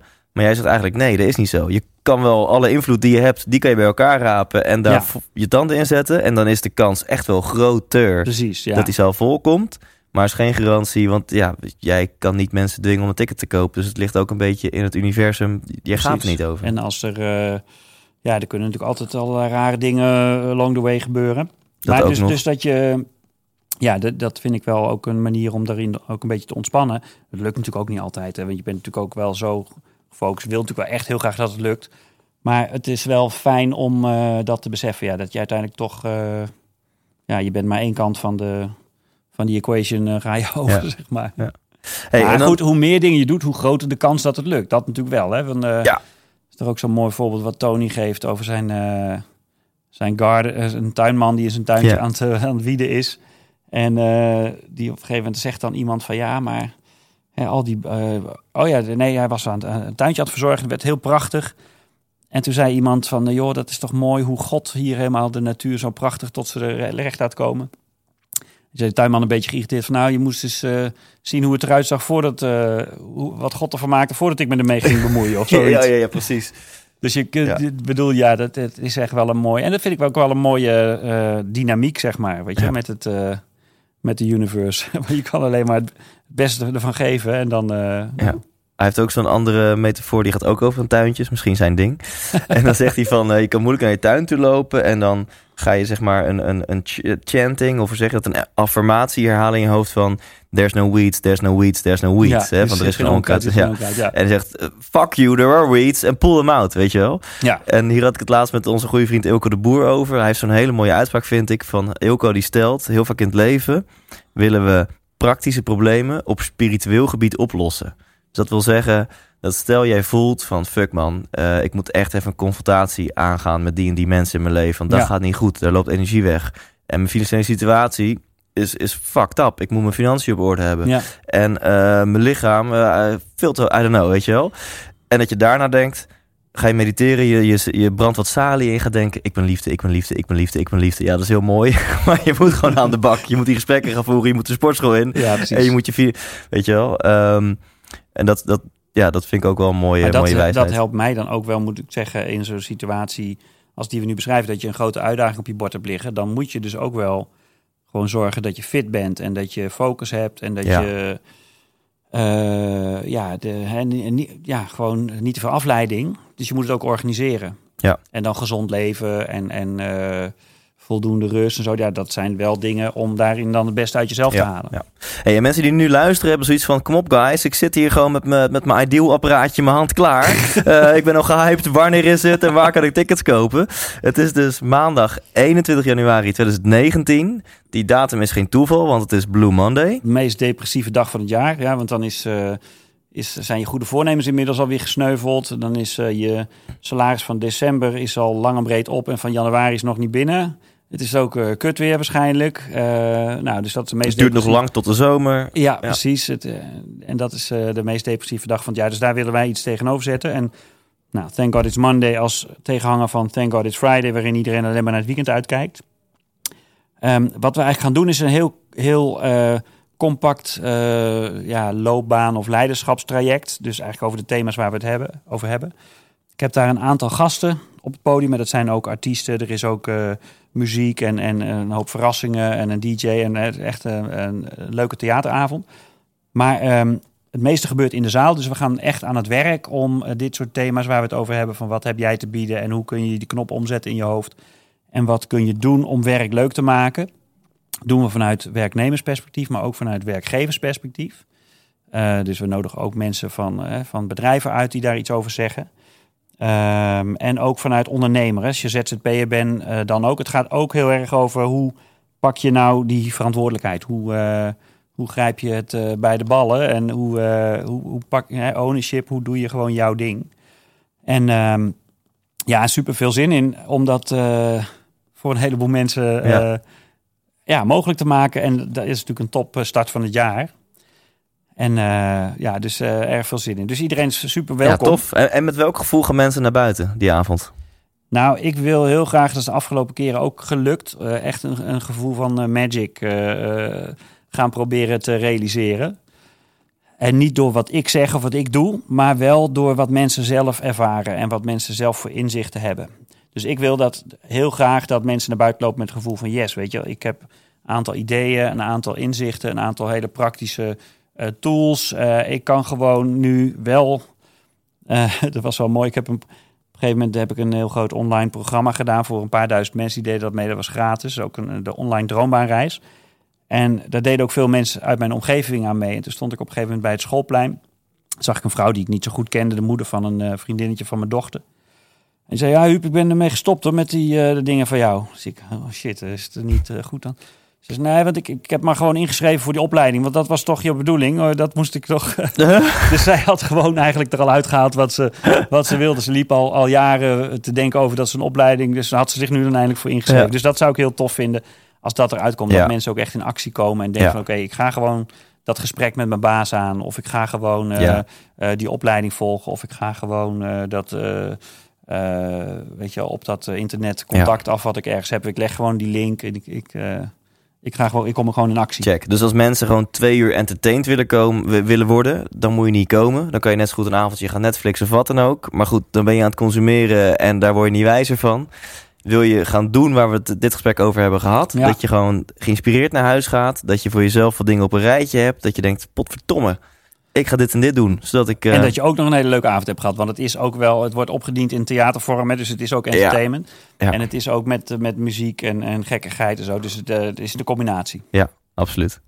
Maar wat ga jij daar eh, op die avond eh, doen, eh, Thijs? Daar hebben we het nog niet over gehad. Misschien moeten we daar eventjes naar... eh, Nou ja, eh, eh, ik wil best... eh, als je nog een plekje hebt, wil ik wel doen. Maar volgens mij zit je wel helemaal vol. Ja, of eh, we moeten toch eens kijken of we niet een eh, soort eh, combi eh, Ja. kunnen... Ik word nu heel bang dat we dit live doen. Nee, nee, maar dat ja, want jij stelde voor, 's middags is die zaal beschikbaar. Ja, precies. Ja, nou ja, die ja. beschikbaar, die kunnen we vast wel regelen. Ja, ja, ja. Ja, de, de- alleen de, de timing is, is suboptimaal. want ik ben... Dit soort maren, dit soort maren, ja. ja, ja, want ik ben eh 5 tot eh 20 januari in het buitenland. Oh, oké. En dan, om, als ik ook een primeurtje mag bieden, ergens halverwege januari, waarschijnlijk 15 januari, ga ik mijn nieuwe tour bekendmaken. En gaan de ticket sales voor mijn nieuwe tour online. Cool. Ga je weer eh, het land door en, en, ehm, en vergelijkbaar als wat je hebt gedaan? Ik was vorige week bij je show. Ja, ja, ik het weer in eigen eh, beheer. Ja. Dus ik ga het waarschijnlijk in, nou wat zal het zijn, april, mei weer een paar zaaltjes doen. Wat grotere zalen, Ja, want dit ging boven verwachting goed. Ja. Eh, ik, ik had me er echt mentaal op voorbereid dat ik in Eindhoven en Groningen, dat ik daar voor 18 man zou staan. Dat ik dacht van, nou ja, maar doe het maar gewoon, weet je wel. Ja. Nou, dat, al die, dat die twee shows vier maanden van tevoren uitverkocht waren, had ik echt niet verwacht. Nee, Dus ik kom terug, grotere zalen. cool, ja. We gaan internationaal. We gaan waarschijnlijk ook eentje in, eh, Vlaanderen doen. Oh, lachen. Eh, want daar eh, schijn ik ook luisteraars en fans te hebben Leuk, zitten. ja. En dan, dat is dus in het voorjaar, een toertje in eigen beheer. En mogelijk misschien komt er een samenwerking met een impresariaat. Dat ik volgend najaar echt een officieel toertje ga doen. Dat ik ook in de theaterkrantjes kom. Cool. dat is Maar, heel, luister even, jij bent tot de twintigste, hoor je wat je zegt, je bent tot de twintigste in het buitenland. Ja. Dus je komt de twintigste terug. En Ja. ik heb het over de 21ste. ja, dus ik kan er gewoon zijn. Alleen het past niet helemaal in mijn marketingplan om heel veel marketingkracht te, te, te gebruiken. Om de 21ste ook daar een Nee. zaal vol te krijgen. Maar ja, wij hebben dit nu al eh, eh, besproken. En nu zitten allemaal mensen met hun ideal apparaatje in hun hand te kijken. Ja, waar kan ik die fucking try-out van Thijs Dat eh, is ook weer zo. boeken Dat is in ook het Theater weer zo, ja. Amsterdam. En dan in de combinatie met de Thank God It's Monday show. Ja, Maar we moeten hier maar eens even rustig over praten. ik ga hier rond, eh, want ik vind het wel serieus wel tof om dit gewoon live te doen. Dat mensen ook horen hoe zo'n gesprek gaat. en dan hoe ik dan werk. En, ehm, leaders make decisions, zegt Tony. Robbins. Ja, Die modus heb ik soms. Dat ik gewoon weet, paf, dit zit goed. Dus Ja. bijvoorbeeld bij dat impresariaat dat ik laatst sprak. Daar kan ik zo meteen nog wel een anekdote over vertellen als je het interessant vindt. leuk. Eh, toen dacht ik, ja, volgens mij moeten we het gewoon gaan doen najaar 2019. En soms be- ben ik echt de meest besluitloze die er kan zijn. of moet ik ergens gewoon een nachtje over slapen. En nu eh, zit Ik heb echt, dat ook. eh, Soms eh, ben ik inderdaad heel decisive. En als je mij in de supermarkt voor het schap ziet staan... eh, eh, eh, denken van welke pindakaas zal ik nou eens nemen... kan het eindeloos over moeilijk doen. ja. Dat is heel apart. Mooie metafoor vind ik. Die leerde ik van Guido Weijers. Die zei, je hebt zo'n... ehm, het is natuurlijk ook kerst. Dus we hebben allemaal weer uit de kast zo'n zo'n zo'n dingetje gepakt. Zo'n sneeuwpop met, met sneeuwvlokjes. Ja. Hoe ze, ja, ik probeer het nu na te doen. Mensen zien dit niet. Maar zo'n bol, die kun je door elkaar ja, schudden. die en dan kan gaan die, schudden. die vlokjes, die, die landen dan weer zo lang. Ja. Dus nu heb jij die bol even van mij gepakt en geschud. Ja, En eh, alles da- dartelt zo nu door de ronde. En dan ga ik een nachtje over slapen. En dan morgen is dat sneeuw zo gedaald. En dan misschien ook je opbel dat ik zeg... hey, het voelt echt niet goed en ik ben er en ik ga je promoten... maar ik ga zelf er niet staan. Nee, Of misschien bel ik je op zeg ik... gast, we doen drie avonden op rij... en dan kunnen vlokjes moeten even dalen. Dat moet voor mij even op Ja, een leuk. Laten we eventjes inderdaad... eh, ja, het is zo cool om gewoon dingen te bedenken... en dan te kijken van hoe zou het kunnen passen... en eh, wat voor magic kunnen we creëren. Ja. Ik ben ervan overtuigd, als, als dit geen, eh, eh, mocht dit geen eerste samenwerking worden, dan komt, dan komt die later wel volgend Ja, jaar. zou zeker volgens mij, zijn. eh, wij zijn twee gekkies die... ik, ik, ik voel een aanvalslijfje aankomen. Toch? Ahoy, ook een mooie zaal. Ook een mooie zaal, ja. Ja, ja Ziggo Dome. Ja. Mooi. Oké, maar wel of geen Thijs Lindhout. Mensen moeten gewoon een ticket kopen voor 21 januari. Zou ik superleuk vinden. We, maar waar kan dat? We hebben nog plek, theater... of eh talentfirst.nl slash theater. Talentfirst.nl slash theater. Daar eh, kun je ook allemaal filmpjes zien van de vorige edities en eh, de line-up zien. Ik kan er al wel iets over zeggen. Ilko de Boer, waar we het al een paar keer over hebben gehad, die is een van de sprekers. Dus dat is superleuk. Die hebben mensen natuurlijk ook in jouw podcast eh, gehoord. Ja, en Elke de Boer is echt, vind ik, zo'n talent. Qua, ik vind hem zo'n inspiratiemachine, maar echt op zijn manier. Kijk, Ja. ik, ik ben iets meer de artiest en dan de verhalen en bla bla en humor. Maar Ilko is gewoon heel goed in vertellen hoe hij over dingen denkt, Ja. hoe hij het heeft toegepast. En dan komen er echt zinnen uit hem, zoals hè, die ik net al gaf. Heel vaak proberen we praktische problemen op spiritueel gebied op te lossen. En dat kan hij zo mooi. Ik ben altijd alleen maar aan het ja knikken als hij praat. Ik denk van, oh ja, oh ja. Eh, dus Nee, dat is dus al reden vind om te komen. gaaf om hem, eh, om hem erbij te hebben. Zo'n enorme inspiratiebron. En ehm Stefan Morrison, dat is een eh, man met wie ik eigenlijk al tien jaar samenwerk. En dat is echt gaaf, want hij is... eh, tien jaar geleden werkte hij bij Monsterboard als eh, sales lead. Was hij gewoon teammanager. En toen had hij bedacht van ik wil eigenlijk mijn droom achterna muziek gaan maken. En dat is hij tien jaar aan het doen. En eh, nou, hij, ja, hij heeft in de Voice meegespeeld of hem meegedaan. En wordt, gaat nu ook theatertourreizen, wordt steeds groter. En ik vind het zo gaaf om hem erbij te hebben. Ook, eh, er wordt wel gezegd van mensen onderschatten wat ze, of mensen overschatten wat ze binnen een jaar voor elkaar kunnen krijgen. Maar ze onderschatten wat ze in tien jaar voor elkaar kunnen Ja. krijgen. Daar is hij echt een perfect voorbeeld van. Dus dat is superleuk. Mensen van Tony Chocoloni eh, zijn er. Als werkgever gaan zij hun eh, verhaal, eh, het verhaal belichten. We hebben het thema fluitend naar je werk en fluitend weer naar huis. Dus dat is een beetje het streven. En daarvoor hebben we ook de wereldkampioen kunstfluiten uitgenodigd. Dus dat is ook onwijs cool. Oh, wauw, lachen. Dus het is ook een hoop. eh, er, komt ook gewoon een. eh, het is wel een Ja, luchtigheid. Ja, Luchtige ja. diepgang, dat is een beetje mijn, eh, Luchtig diepgang, mooi. Ja. mijn streven om die twee dingen te combineren. Dus het, het doel is dat je, want er komen denk ik echt wat oefeningetjes en zo. Je moet Zeker. echt wel gaan aan de slag ook zelf. Ja. Dus het, het doel is dat je ook werkelijk wat gaat doen na die avond. Maar al doe je geen fuck met de inspiratie die je hebt opgedaan, dan heb je in elk geval gewoon een hele leuke avond gehad. is zeker een leuke avond. Toch? gehad. Ja, Ja. nee, absoluut. Gek. Dus neem je, je buren, je schoonfamilie, je vrienden, je collega's, neem iedereen mee. Je hockeyteam. je- Huisdieren zijn ook toegestaan. Ja, je hockeyteam, ja. Tof. Eh, dus talentfirst.nl slash theater. yes. Ja, en als je me dan mij onder spot zet, dan moet ik jou natuurlijk ook eh onder spot zetten. Eh, straks echt, want ik heb wat onder spot vragen voor je, maar eerst nog even een andere. Kun je dan iets extra's bieden voor luisteraars van de 100% Inspiratie podcast? Kunnen ze dan, als zij aangeven of we maken een actiecode aan of whatever, als zij eh, als luisteraar Zeker, een ticket tuurlijk. kopen? Maar jij kent jouw luisteraars beter dan ik. Wat denk jij nou dat voor hen eh, echt super interessant is? Want dat ik- gaat niet over een eh, paar eurotjes minder, want dat boeit deze Ja, mensen ik denk dat ze jou heel graag willen aanraken. Hè, dus misschien een fotomomentje met, met de one and only Huub van Zwieten. Misschien dat, eh, dat, dat we dat eh, kunnen doen. Ik heb dat ooit bij Tony Robbins gedaan, hè, de, onze gemeenschappelijke inspiratiebron. Ja, Die was bij Date with Destiny, kon je daarna bij met hem op de foto. Maar alleen als je een donatie deed voor zijn ja. eh, foundation. ja. En dan moest je echt flink... Ja. maar ik heb nu wel hele mooie foto alsof Tony en ik elkaar al jaren ja, kennen. ja, ja. ja. Ik ken ook iemand die heeft. Dat is- volgens mij 5k of zo, of 2,5k. Ja, de helft was het Oh, in mijn ja, geval. Maar ja. toch flink eh, Serieus. eh, ja, ja, ja. Maar ik was helemaal in de happy de peppy stand. Dus eh, ik... Mooi man. hey, weet je, voor de helft van, van, van, van het bedrag mag je met mij op de foto, zo dadelijk. ik sta een beetje op de Oh foto. dus flik, hebben- flik. Had je te laat leuk. Nee, Nee, maar, maar dat dan... zou leuk zijn om te bieden. Want ehm, kijk, ik zou... eh, ja, ik denk dat wij echt moeten nadenken over eh, hoe jij daar op een of andere manier een, een rol kan spelen. Kunnen ze misschien jou aanraken? Ja, ja dat kan ook. Ja, misschien dat, dat, dat kunnen we misschien sowieso doen. Een fotomomentje met ons tweeën. Eh, misschien kan je een webinar doen of wat afspreken als er, als er minimaal 50 van mijn mensen komen. Dat je dan een webinartje doet speciaal voor die, die Superleuk. 50. Superleuk. Zoiets. Weet je wat ik wel leuk vind? Want het is natuurlijk eh, begin januari of eh 21 januari. Maar dan kunnen we misschien begin januari iets doen. Eh, of kan ik begin januari iets doen? Jij bent er dan niet. Jij zit dan lekker in het buitenland. Ehm, maar rondom die eerste dagen met goede voornemens die zo snel ook weer eh, vervagen voor heel veel mensen. Om daar iets over, over te bedenken van hoe kan je dat nou wat meer vasthouden? Of hoe kan je nou dat in ieder geval tot de 21ste eh, die levend houden? Ja. Dat je niet gedesillusioneerd de zaal in komt omdat je goede voornemens alweer Ja, naar de ah, haaien dat zijn. is een mooie. Dat is een hele mooie. Dus een webinar geven vind ik superleuk. En eh, dat doe ik eh, met, eh, met veel plezier. Cool. Nou, dan, dan bespreken we straks eventjes de praktische kant. En dan Ja, horen mensen leuk. in de outro, dus over een paar minuutjes in de outro van deze aflevering, horen ze dan wat ze daarvoor moeten doen. En waarschijnlijk heb ik die informatie dan ook al in de intro van deze aflevering gegeven. Ja, ja, ja. Dus voor ons heel verwarrend nu. Als mensen dit horen, weten ze al meer dan wij nu weten. Huh? nou, ik, ik ga je onder spot zetten. Is dat goed? Nou, weet ik niet. Dat, dat, dat vertel ik je achteraf, ja?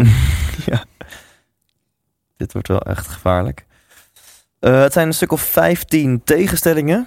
En aan jou de vraag om echt gewoon vanuit je gut feeling meteen te reageren. ja, oké. Ready? Ja. Ochtend of nacht? Ochtend. Bestuurder of passagier? Bestuurder. Ferrari of Tesla? Tesla. Poetin of Trump? Ja, Poetin. Groene smoothie of Engels ontbijt? Groene smoothie. Maandagochtend yoga of vrijdagmiddagborrel? Ja, eh, maandagochtendborrel. Mooi. Naakt of pyjama? Naakt. Gevoel of verstand? Gevoel. Praten of luisteren? Hmm, praten. Jong en onbezonnen of oud en wijs? Oud en onbezonnen. Hutje op de hei of herenhuis aan de gracht? Uh, Herenhuis op de gracht. Hm, dus ik, ik dacht, dan ga je nu zeggen herenhuis op de hei. Maar dat... Ehm, Justin Timberlake of Justin Bieber? Eh, Timberlake. Klassieke muziek of death metal? Klassiek. Nooit meer seks of nooit meer muziek? Nooit meer. eh, Oeh, dat is een hele lastige. Nooit meer seks of nooit meer muziek. Even kiezen. Seks dan denk ik toch wel hoor. Dus denk ik toch meer beter te missen uiteindelijk. Zo. Nooit meer muziek. Ja, nooit meer seks, ik weet het niet. Mag ik nog heel even parkeren? Mooi. Maar ja, jouw eerste, je eerste echte antwoord was nooit meer seks. En toen hoorde je jezelf praten. Nou ja, dacht je- als, ja hè, maar ik denk hoe vaak speelt eh, muziek eh, per dag een rol in mijn leven en hoe vaak seks? ja. Tenminste, ja, als je de, de, eraan denken eh, er niet mee rekent. Hij is lastig. Mag, mag je er ook niet meer over nadenken? Mag je er ook niet meer... eh, Nee, dit mag. Alles is toegestaan. nee, maar, ik bedoel, mag je nooit meer seks? Mag je niet oh, meer aan die seks meer- denken? Ja, ik heb de spelregels niet bepaald, maar ik denk dat je er wel aan mag denken. Maar dan kan je ook nog na, na discussiëren over mag dan... Mag ma masturberen nog wel, zeg maar.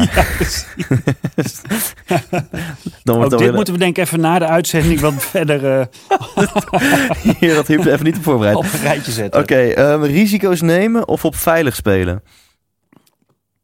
Ja, wat, eh, wat denk je? Risico's nemen. Maar ik, ik, ik ben heel erg van risico's nemen. Maar stiekem, en dat is volgens mij voor elke ondernemer, eh, zijn die risico's altijd toch wel een beetje becalculeerd. Hè? Ja. Dus je kunt best risico's nemen, maar... eh, Zoals nu in het, in het allerergste ge- geval draai je een verlies hè, op die, Ja, die, die avond. Eh, of, of het aller, allerergste geval zou je hem af moeten blazen en dan heb je misschien een beetje gezichtsverlies of zo. ja, nou ja. Maar ja. terwijl ik dit al zeg, zie ik al aan jou van, nou, no way dat dat gaat gebeuren. Want we gaan gewoon knallen. Nee, precies. Ehm, geld, eh, ja, ja, geld maakt gelukkig of geld maakt ongelukkig. Geld maakt gelukkig. Nederland uit en er nooit meer in. Of Nederland in en er nooit meer uit. Eh, nou, dan wel eh, erin en er nooit meer uit. Ik heb het op zich hier prima naar mijn zin. En de laatste, één dag koning of één dag weer kind. Ik was van de week, of twee weken geleden, Sinterklaas. En toen kreeg ik een, eh, zoontje van een vriend van me kreeg Lego. En ik was echt jaloers op dat kleine gastje. Dus dan zou ik toch echt wel Mooi, een kind... eh, En, en een koning mag je toch af en toe wel voelen op het podium. Of misschien als je soms hier rondloopt, dat je een prachtig pand hebt hier van 700 vierkante meter. Ik kan me voorstellen dat je hier soms rondloopt en denkt van holy fuck, dit is mijn bedrijf man. ik, ik, ik heb niet zoiets dat ik bij prins Willem of koning Willem-Alexander denk van... wauw, wat zou ik jou graag willen zijn. Dus ik kan me er ook weinig bij voorstellen. Echt, Ja, ik weet niet hoe goed je kan knippen, weet je toch? ja, dat kan ik wel redelijk goed. Lintjes doorknippen, Lintjes doorknippen. zwaaien. ja, ja. Dat, ehm that concludes the questions. Ja, heb ik, eh, wat is mijn score? Heb ik eh, gewonnen? Of, eh, Nou ja, ik, er komt ooit een keer een boek. Ehm, ik weet nog niet precies, dat zal uiteraard gaan over geluk. En welke rol ik dan mijn levensverhaal en de interviews ga laten spelen, weet ik nog niet. Hm. Maar misschien dat ik, want ik heb deze vragen al 120 keer gesteld aan al mijn gasten. ja. Dat ik daar een keer wat grafiekjes van kan gaan trekken. Oh, lachen. Ja, Eh, leuk. bijvoorbeeld die vraag: geld maakt gelukkig of geld maakt ongelukkig. Het is ook leuk als je hem zo stelt, want je mag hem dus niet nuanceren. Je moet... En de mensen die ik heb geïnterviewd hebben over het algemeen, nou niet over het algemeen, die hebben denk ik alle 120 een bovengemiddelde bankrekening. Eh sterk nog, de meeste zitten al gewoon helemaal gebakken financieel gezien. ja. En ehm, ik denk dat van 120 mensen, 115, 115 daarvan hebben geantwoord: geld maakt gelukkig. Wat natuurlijk niet waar is als je hem zo stelt, maar als je moet kiezen tussen die twee, ja. dan zeggen ze dus toch wel geld maakt gelukkig. En dat, dat vind ik bijvoorbeeld een L. Dat is wel De gewoon interessant. geld maakt niet gelukkig. Ja, die ervaring heb ik zeker niet. Maar het, eh, ja, het is natuurlijk wel... Het is wel een ding. Voor heel veel mensen is het echt wel een groot... eh, een lastig thema, hè, geld. Het is wel een eh, soort taboe ook. Of Ja. een... eh, ja, lastige mensen ook in de, in de coachingswereld en zo. Die vinden dat soms toch best wel lastig. Ja. Is geld ook een beetje besmet? Of eh, mag je... Ja, is een interessant domein. Ook een cultuurdingetje natuurlijk. In Nederland vinden we dat al veel, eh vinden het geld veel eerder smerig dan dat we dat in Amerika vinden. Ja, maar als je dan ziet hè, wat jij bijvoorbeeld nu doet met die, eh, met die basket brigade, hè, wat jij. eh, Ja. ja. dat is natuurlijk zo cool als je geld ook gewoon kunt laten stromen. En eh, zoals onze vriend Tony eh, zegt, eh, ik laat geld als in avalanches of abundance eh, door mij stromen en ik zorg dat het weer op een andere manier eh, werkt. Oh ja. Dus aan de ene kant heel veel bedoel, want ja, ik ga ook niet eh, als er geld verdiend wordt dat eindeloos oppotten. Je gaat er toch weer wat mee doen. Dus Ja. je bent eigenlijk gewoon een doorgeefluik voor geld. En, en eh, ja, hoe meer geld je dan kunt aantrekken, hoe meer je ook weer kunt doorgeven, Ja. hoe meer je weer coole dingen mee kunt doen. ja, kijk, ik denk no way dat als je iemand pakt die depressief is. En in plaats van een antidepressiva of een goede coachings, een goed coachingstraject, schrijf je diegene gewoon ah, 50.000 euro voor. Van hier, haal maar af bij de apotheek. Dat zou wel een vet, eh, vet experiment zijn. Ja, hè? maar ik denk niet dat dat, dat dat in die zin geld gelukkig maakt. Ik denk, eh, misschien denk jij er anders over. Ik, ik eens- nou, weet ik niet, maar ik zou heel benieuwd zijn naar Ja, het experiment. Dat is een tof experiment eens, eh, eigenlijk. Ja, Ja, maar ik denk in elk geval dat geld een, een multiplier op je geluk kan zijn. Want als je dan kijkt naar je wheel of life, hè, zoals we het vaak noemen in Ja. coachingsland. Hè, dus Ja. je spiritueel vlak, op gezondheidsvlak, op relatievlak, op emotievlak, et cetera. hè. Je leven heeft een aantal gebieden. Ja, als je, als je kijkt naar je fitheid, als jij niet eens een sportabonnement kan betalen... Tuurlijk, je kan hardlopen buiten, je kan ook opdrukken in je huis, maar dat wordt wel lastiger. En als jij naar een luxe sportschool kan gaan of als jij een personal trainer kan betalen, dan wordt het veel makkelijker. Als jij in je huis een gym kan bouwen, wordt het nog makkelijker. ja. En hetzelfde geldt op vakantie, weet je wel. Als jij met je hele gezin en je moet per se kamperen, want je kan niks meer betalen. Of je kan geen nanny betalen, waardoor je nooit een keer met je vrouw of met je man of met jezelf gewoon een weekendje, een avondje. Weet je, wel, geld kan je natuurlijk op zoveel gebieden ehm, momenten geven die wel gelukkig maken. Namelijk momenten met je dierbaren, eh, et cetera. Nou, en vooral andersom, dat je het niet hebt, dat het volgens mij voor heel veel mensen eh, stress oplevert. Dus eh, de eindjes aan elkaar knopen. Ik heb dat ook in mijn omgeving best wel vaak gezien. Dat mensen daar zo eh, ja, dat, een hoog stressniveau door hebben, omdat Ja. het er gewoon niet is. Wat ik vaak vertel in mijn talks over geluk, dan vraag ik eerst aan de zaal van lieve mensen, wa- wa- wat maakt gelukkig? Nou, dan gaan mensen roepen, weet je, eh, gezondheid. en wat, Nou, en dan kom ik met een model, een beetje gejat, of nou, een beetje, gewoon gejat van Aristoteles, want die heeft er 300 voor Christus al goed over nagedacht. Wat maakt geluk? En dan noem ik als een van de componenten van geluk, en dat vinden mensen bijzonder oninspirerend om te horen, maar ik ben ervan overtuigd dat het zo is. Een van de componenten van geluk is de absentie van crisis. De Ja. afwezigheid van crisis. Ja, ja. Want als jij op één van die gebieden een crisis hebt, op financieel gebied, op gezondheidsgebied, zeker op relatiegebied, No fucking way. Dan kan jou, kunnen de euro's nog zo hard tegen de plinten klotsen. En kan jouw Ferrari nog zo mooi glimmen. Ja. Maar no fucking way dat jij gelukkig bent als jij op één van de gebieden van je leven een crisis hebt. Ja, ik, ik, ik kom veel in eh, Zuid-Afrika en daar kom ik ook veel in de townships. En daar is het echt continu crisis. Hè? Dus dat, dat, eh, daar gaat de hele dag eigenlijk alles continu fout. Dat is een beetje zo de basis. eh, Ja. Weet je, of mensen worden beroofd of mensen hebben ook heel, gewoon heel weinig geld. En iedereen is aan de drugs. Weet je, echt één grote puinhoop eigenlijk. En als je in die wereld leeft, die mensen leven ook ongeveer continu in een soort eh, posttraumatisch stresssyndroom. Weet je, Ja. hoog stressniveau. Ja. Maakt ze ook wel heel veerkrachtig. Dat is ook wel weer zo. Dus je merkt als mensen daar eh, een tegenvaller hebben, ja, dat Ja. maakt dus ook niet meer uit, want dat hebben ze de hele dag. Weet je, dat is een beetje de basis. Dus die schrikken ook niet meer zo snel van dingen. Dus dat is aan de andere kant. als Je echt, eh, wij hebben natuurlijk eh, ja, een heel comfortabel leventje. Dus dat eh, kan soms ook ten koste gaan van je veerkracht. Dat er, als er dan Ja. iets misgaat, dat je gelijk helemaal eh, van je padje bent. zeg ja, zoals Tony dan heel mooi zegt, je hebt expectations en je hebt appreciation. Ja, geweldig is dat. hè? Hè, Ja. En in hoogconjunctuur dan verwachten we van alles. En dan zijn we heel snel teleurgesteld. En in laagconjunctuur dan ja, eh, ehm, eh, waarderen we eigenlijk alles wat er nog wel is. Heel Ja. snel. En dat is meer een formule voor geluk dan... ehm, Maar ik vind dat sowieso een hele mooie. eh, turn your expectations into appreciations. Ik weet nog dat ik een keer op een feestje was met mijn vrouw. En dat was zo'n jaarlijks eh, feestje, manifesto hier in Amsterdam. En wij waren, wij waren daar en ik vond het niet echt leuk. Ik stond daar een beetje, een beetje moeilijk te doen. En eh, ik zei tegen, tegen haar van, joh, ik vind er geen zak aan. En toen fluisterde zij in mijn oor, turn your expectations into appreciations. En vanaf dat moment zette ik echt de knop om. Dus ging ik helemaal niet meer kijken van het moet op een bepaalde manier. Maar alleen maar kijken wat er leuk was. En ik had echt een geweldige avond. Dus Ja, dat gek. werkt, eh, te het gek. is echt een heel mooie, mooie manier ja. om eh, jezelf af en toe te resetten. Ja, mooi. Volgens mij gaan we afronden. Nou, Ehm, leuk Thijs. Leuk eh, om zo met jou een uurtje door te brengen. Absoluut, vond ik ook. Is er nog één vraag dan tot slot die ik had moeten stellen, maar niet gesteld heb? Ja, dat was eh, de vraag. ehm, hoe kan het, ondanks alle bezwaren die ik je net heb eh, lopen eh, eh, serveren, dat ik pas de twintigste terugkom van mijn buitenlandse reis en dat ik niet in mijn marketingplanning past. En hoe kunnen we nou uiteindelijk toch het mogelijk maken om die 21ste ook voor jou iets te creëren? Die vraag had je wel moeten stellen, maar je hebt je niet gesteld. Ja, ja, precies. Dat was een goede vraag geweest. ja, nou kijk, wat zo is, als jij mijn volle zaal belooft, dan ben ik er. Hè? dan kom ik. Nou, maar dat was volgens mij niet helemaal de deal. Is het zo simpel? nee, superleuk man. Hartstikke Ja, bedankt. tof. Tof, tof om met je te hangen. Ik ben nog steeds jaloers dat jij uh, Carré uh, vol hebt gekregen. Ja, man. Vind ik heel tof. Maar het le- leven is eh, kort, maar uh, ook nog vol met kansen en mogelijkheden, toch? En ik, ik heb de 06 van die dame die dat ja, voor mij absoluut. geregeld heeft. Ja, ja en voor de duidelijkheid, mijn geluk hangt ook zeker niet af van een wel of niet vol carré of tour of wat dan ook. Maar in 2019 denk je dat het er tussen zou kunnen komen? Uh, trouwens, zo mooi hoe er maar geen einde aan het interview uh, komt. maar ik vind er ook van. Nou, wat, kijk, ik heb natuurlijk eerst uh, proberen te boeken. Dus toen ik in 2013 een, een epiphany had en ik dacht, wow, ik ga wat ik altijd in bandjes deed met drummen en wat ik nu doe met inspiratie voor bedrijven, dat die ga ik samenvoegen en wordt het één grote inspiratieavond. Nou, ja. jij hebt hem laatst meegemaakt. Ja. Dat is ontstaan vanuit één moment van inzicht op kantoor in 2013.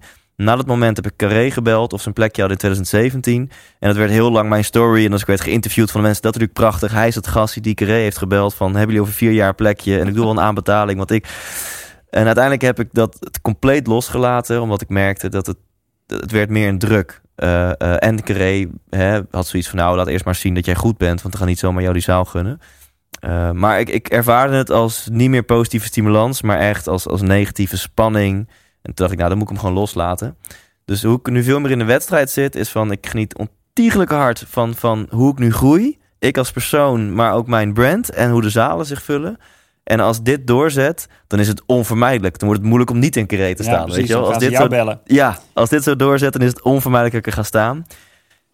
En eh, ik zou het kunnen, weer kunnen manifesteren. Hè? Dus dat ik nu met, met de, de connecties en met de bekendheid die ik nu heb, dat ik ze weer ga boeken in, uh, I don't know, dat ik zeg in januari 2020 sta ik er. Maar dat, dat hoeft dus niet voor mij. Ik, Weet ik je wat ook leuk is? Als je nou een oproep doet aan je luisteraars van je podcast om Carré te bellen.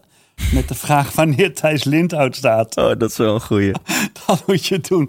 Dat is een mooi verhaal over uh, Huub Stapel. Die heeft uh, de meest succesvolle show hè, met de mannen komen van Venus of van Mars en vrouwen van Venus. Meer dan 400 keer heeft hij die gespeeld. Ja, en dat kwam omdat er toen bij de Wereld Draait Door was hij en er was een gast uitgevallen of twee uitgevallen. was allemaal dingen op de weg geloof ik.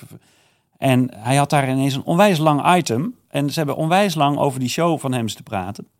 En wat er toen gebeurde, was dat mensen theaters gingen bellen. Uh, wanneer die Huub Stapel stond. Maar ook naar theaters waar die helemaal nog niet geprogrammeerd stond. Dus mensen gingen gewoon hun lokaal theater. Nee, dat ja, moet je doen, man. Zo. Dat je gewoon uh, vraagt van jongens, dit is het telefoonnummer. Bel in de komende weken even carré. Nou, dat impresariaat waar ik dus laatst mee zat en waar mogelijk zeer waarschijnlijk een samenwerking uh, uitkomt. Die, die vertelde ook dit verhaal. Ja, die zei inderdaad dat het liep eigenlijk voor gemeten in het begin, blijkbaar. Nee, nee. Uh, mannen komen van Mars, vrouwen van Venus. En inderdaad, hij zei, door, door net even de juiste dingen te zeggen in die live show... Poef, ontplofte het. En wisten ze ook niet bij, uh, bij Senf of zo, wat ik voor die zat, de, wisten ze even niet wat er gebeurde. Nee, nee, nee, echt prima, ja, lachen. Maar dat zijn wel geinige, geinige gedachtensprongetjes, toch? Door, door te denken van, hoe kan je nou het eigenlijk een beetje hacken, zeg maar. Ja. Het systeem hacken. Want als zij honderd telefoontjes krijgen over de periode van een paar weken dan gaan ze toch met elkaar. Hé hey jongens, ja, is uh, hand, Thijs ja. Lindhout. Ja. En als jij dan een keer belt. Wat, dit is Thijs Lindhout. Nou, dan is het natuurlijk geregeld. Ja, ja. ik dacht ook al, zal ik gewoon een keer de directeur van Carré interviewen? Dan hebben we een tof interview. Ja, ja. En dan zijn we mathematisch. En dan heb ik zijn nummer. dan hebben we gecontact. En dan, hé, hey, maar... Uh, dat is natuurlijk ook een beetje hoe het werkt. Uh, ja, maar dit vind ik ook leuk. En dit, dit gewoon, dat vind ik ook zo leuk van ondernemen. Van hoe kun je iets wat heel lastig is, toch, toch mogelijk maken. Dat, ik heb één grappig dingetje. Ik heb jouw thema geluk, succes. Ik had van de week een gedachte van ik moet iets met um, werkgeluk. Hè? Dat is mijn onderwerp. Dus hoe kun je nou binnen je werk het zo organiseren dat het je echt dat het een, een, een, toevoeging aan je leven is in plaats van een noodzakelijk kwaad. Dus ik heb iemand gevraagd om de 100 uh, meest recente boeken over werkgeluk in kaart te brengen. En de schrijvers daarvan allemaal telefoonnummer en e-mailadres oh, wow. te onderzoeken. Dus die heb ik nu, dat heb ik via Upwork iemand laten doen. En zonder dat ik eigenlijk precies weet wat ik ermee ga doen. Maar het leek me gewoon leuk om, en ik ga denk richting oudjaar of zo iets... mensen allemaal een mailtje sturen met de vraag van wat zijn nou jouw drie belangrijkste inzichten en daar misschien een, een e-boekje of zo van maken. Maar dat is ook zo'n grappig. Ik, ik weet dan eigenlijk nog totaal niet of dat überhaupt gaat werken. Of dat dat. Ik, ja. Wat ik er überhaupt precies mee ga doen. Maar ja. meer zo'n impuls en dat dan volgen. En dan nou, 100 euro investeren om dat voor elkaar te krijgen. Ja, heerlijk dit. Dus je, je, hebt, je hebt deze brain fart, je hebt het idee. Ja. En vervolgens denk je ook niet van hoe kan ik dit lijstje creëren? Dan denk ik van nee, maar wie, wie kan ik geld geven die voor mij ja. dit lijstje dan maakt? En je hebt nu een Excel-lijstje met dus 100 boeken, 100 auteurs, 100 e-mailadressen, 100 telefoonnummers. ja, Over werkgeluk. Toch vet? Ja. hey, maar dat is ook van deze tijd zo mooi dat je, weet je wel, Upwork of uh, Fiverr of daar zijn allemaal mensen die voor een heel klein bedragje heel graag uh, allerlei toffe dingen voor je willen doen. Ja. Dus je kunt, en dat heeft dan ook weer met die, eh, ik had het eerder over inzicht, vertaling, actie. Dus als je het nou hebt over hoe ga ik mijn dromen realiseren, kun je dus ook dit soort dingen inzetten. Waarmee je het allemaal echt veel ja. sneller kunt doen dan, uh, dan voorheen. En ja, het zijn gewoon slimmigheidjes die je moet weten. Ja. En daar wordt het, uh, ja, daar wordt het super uh, veel leuker van, zeg maar. Dan kun je echt veel sneller een hefboom op je eigen ideeën en inspiratie en intuïtie hebben. Ja. Dus dat is super cool. Nou, en dan tot slot dan weer een hele mooie link te leggen naar Thank God It's Monday. Die slimmigheidjes. Ik heb zoveel en mensen, maar ook tips geleerd. Puur door me te begeven op dat soort omgevingen. Ja. Door naar Thank God It's Monday te gaan. Ja. Door naar seminars van, over, over internetmarketing te gaan. Door naar Tony te gaan. Door whatever. Ja. En daar leer je na ineens van iemand... oh, maar ken je dit programmaatje? Of ken je ja, die, precies. die ja. formule? Of ken je, weet je, dat je zo op die manier... en, en je, je ontmoet nieuwe mensen die nou, net zoals jou denken. Dat, dat is fantastisch. Dat, dat mensen... Uh, op die avond een hoop uh, nieuwe mensen gaan ontmoeten. Want dat is onderdeel van het concept, zeg maar. Ja. Dus, uh, en daarmee verbreid je natuurlijk zo ja, je netwerk en je kansen en je mogelijkheden. Ja.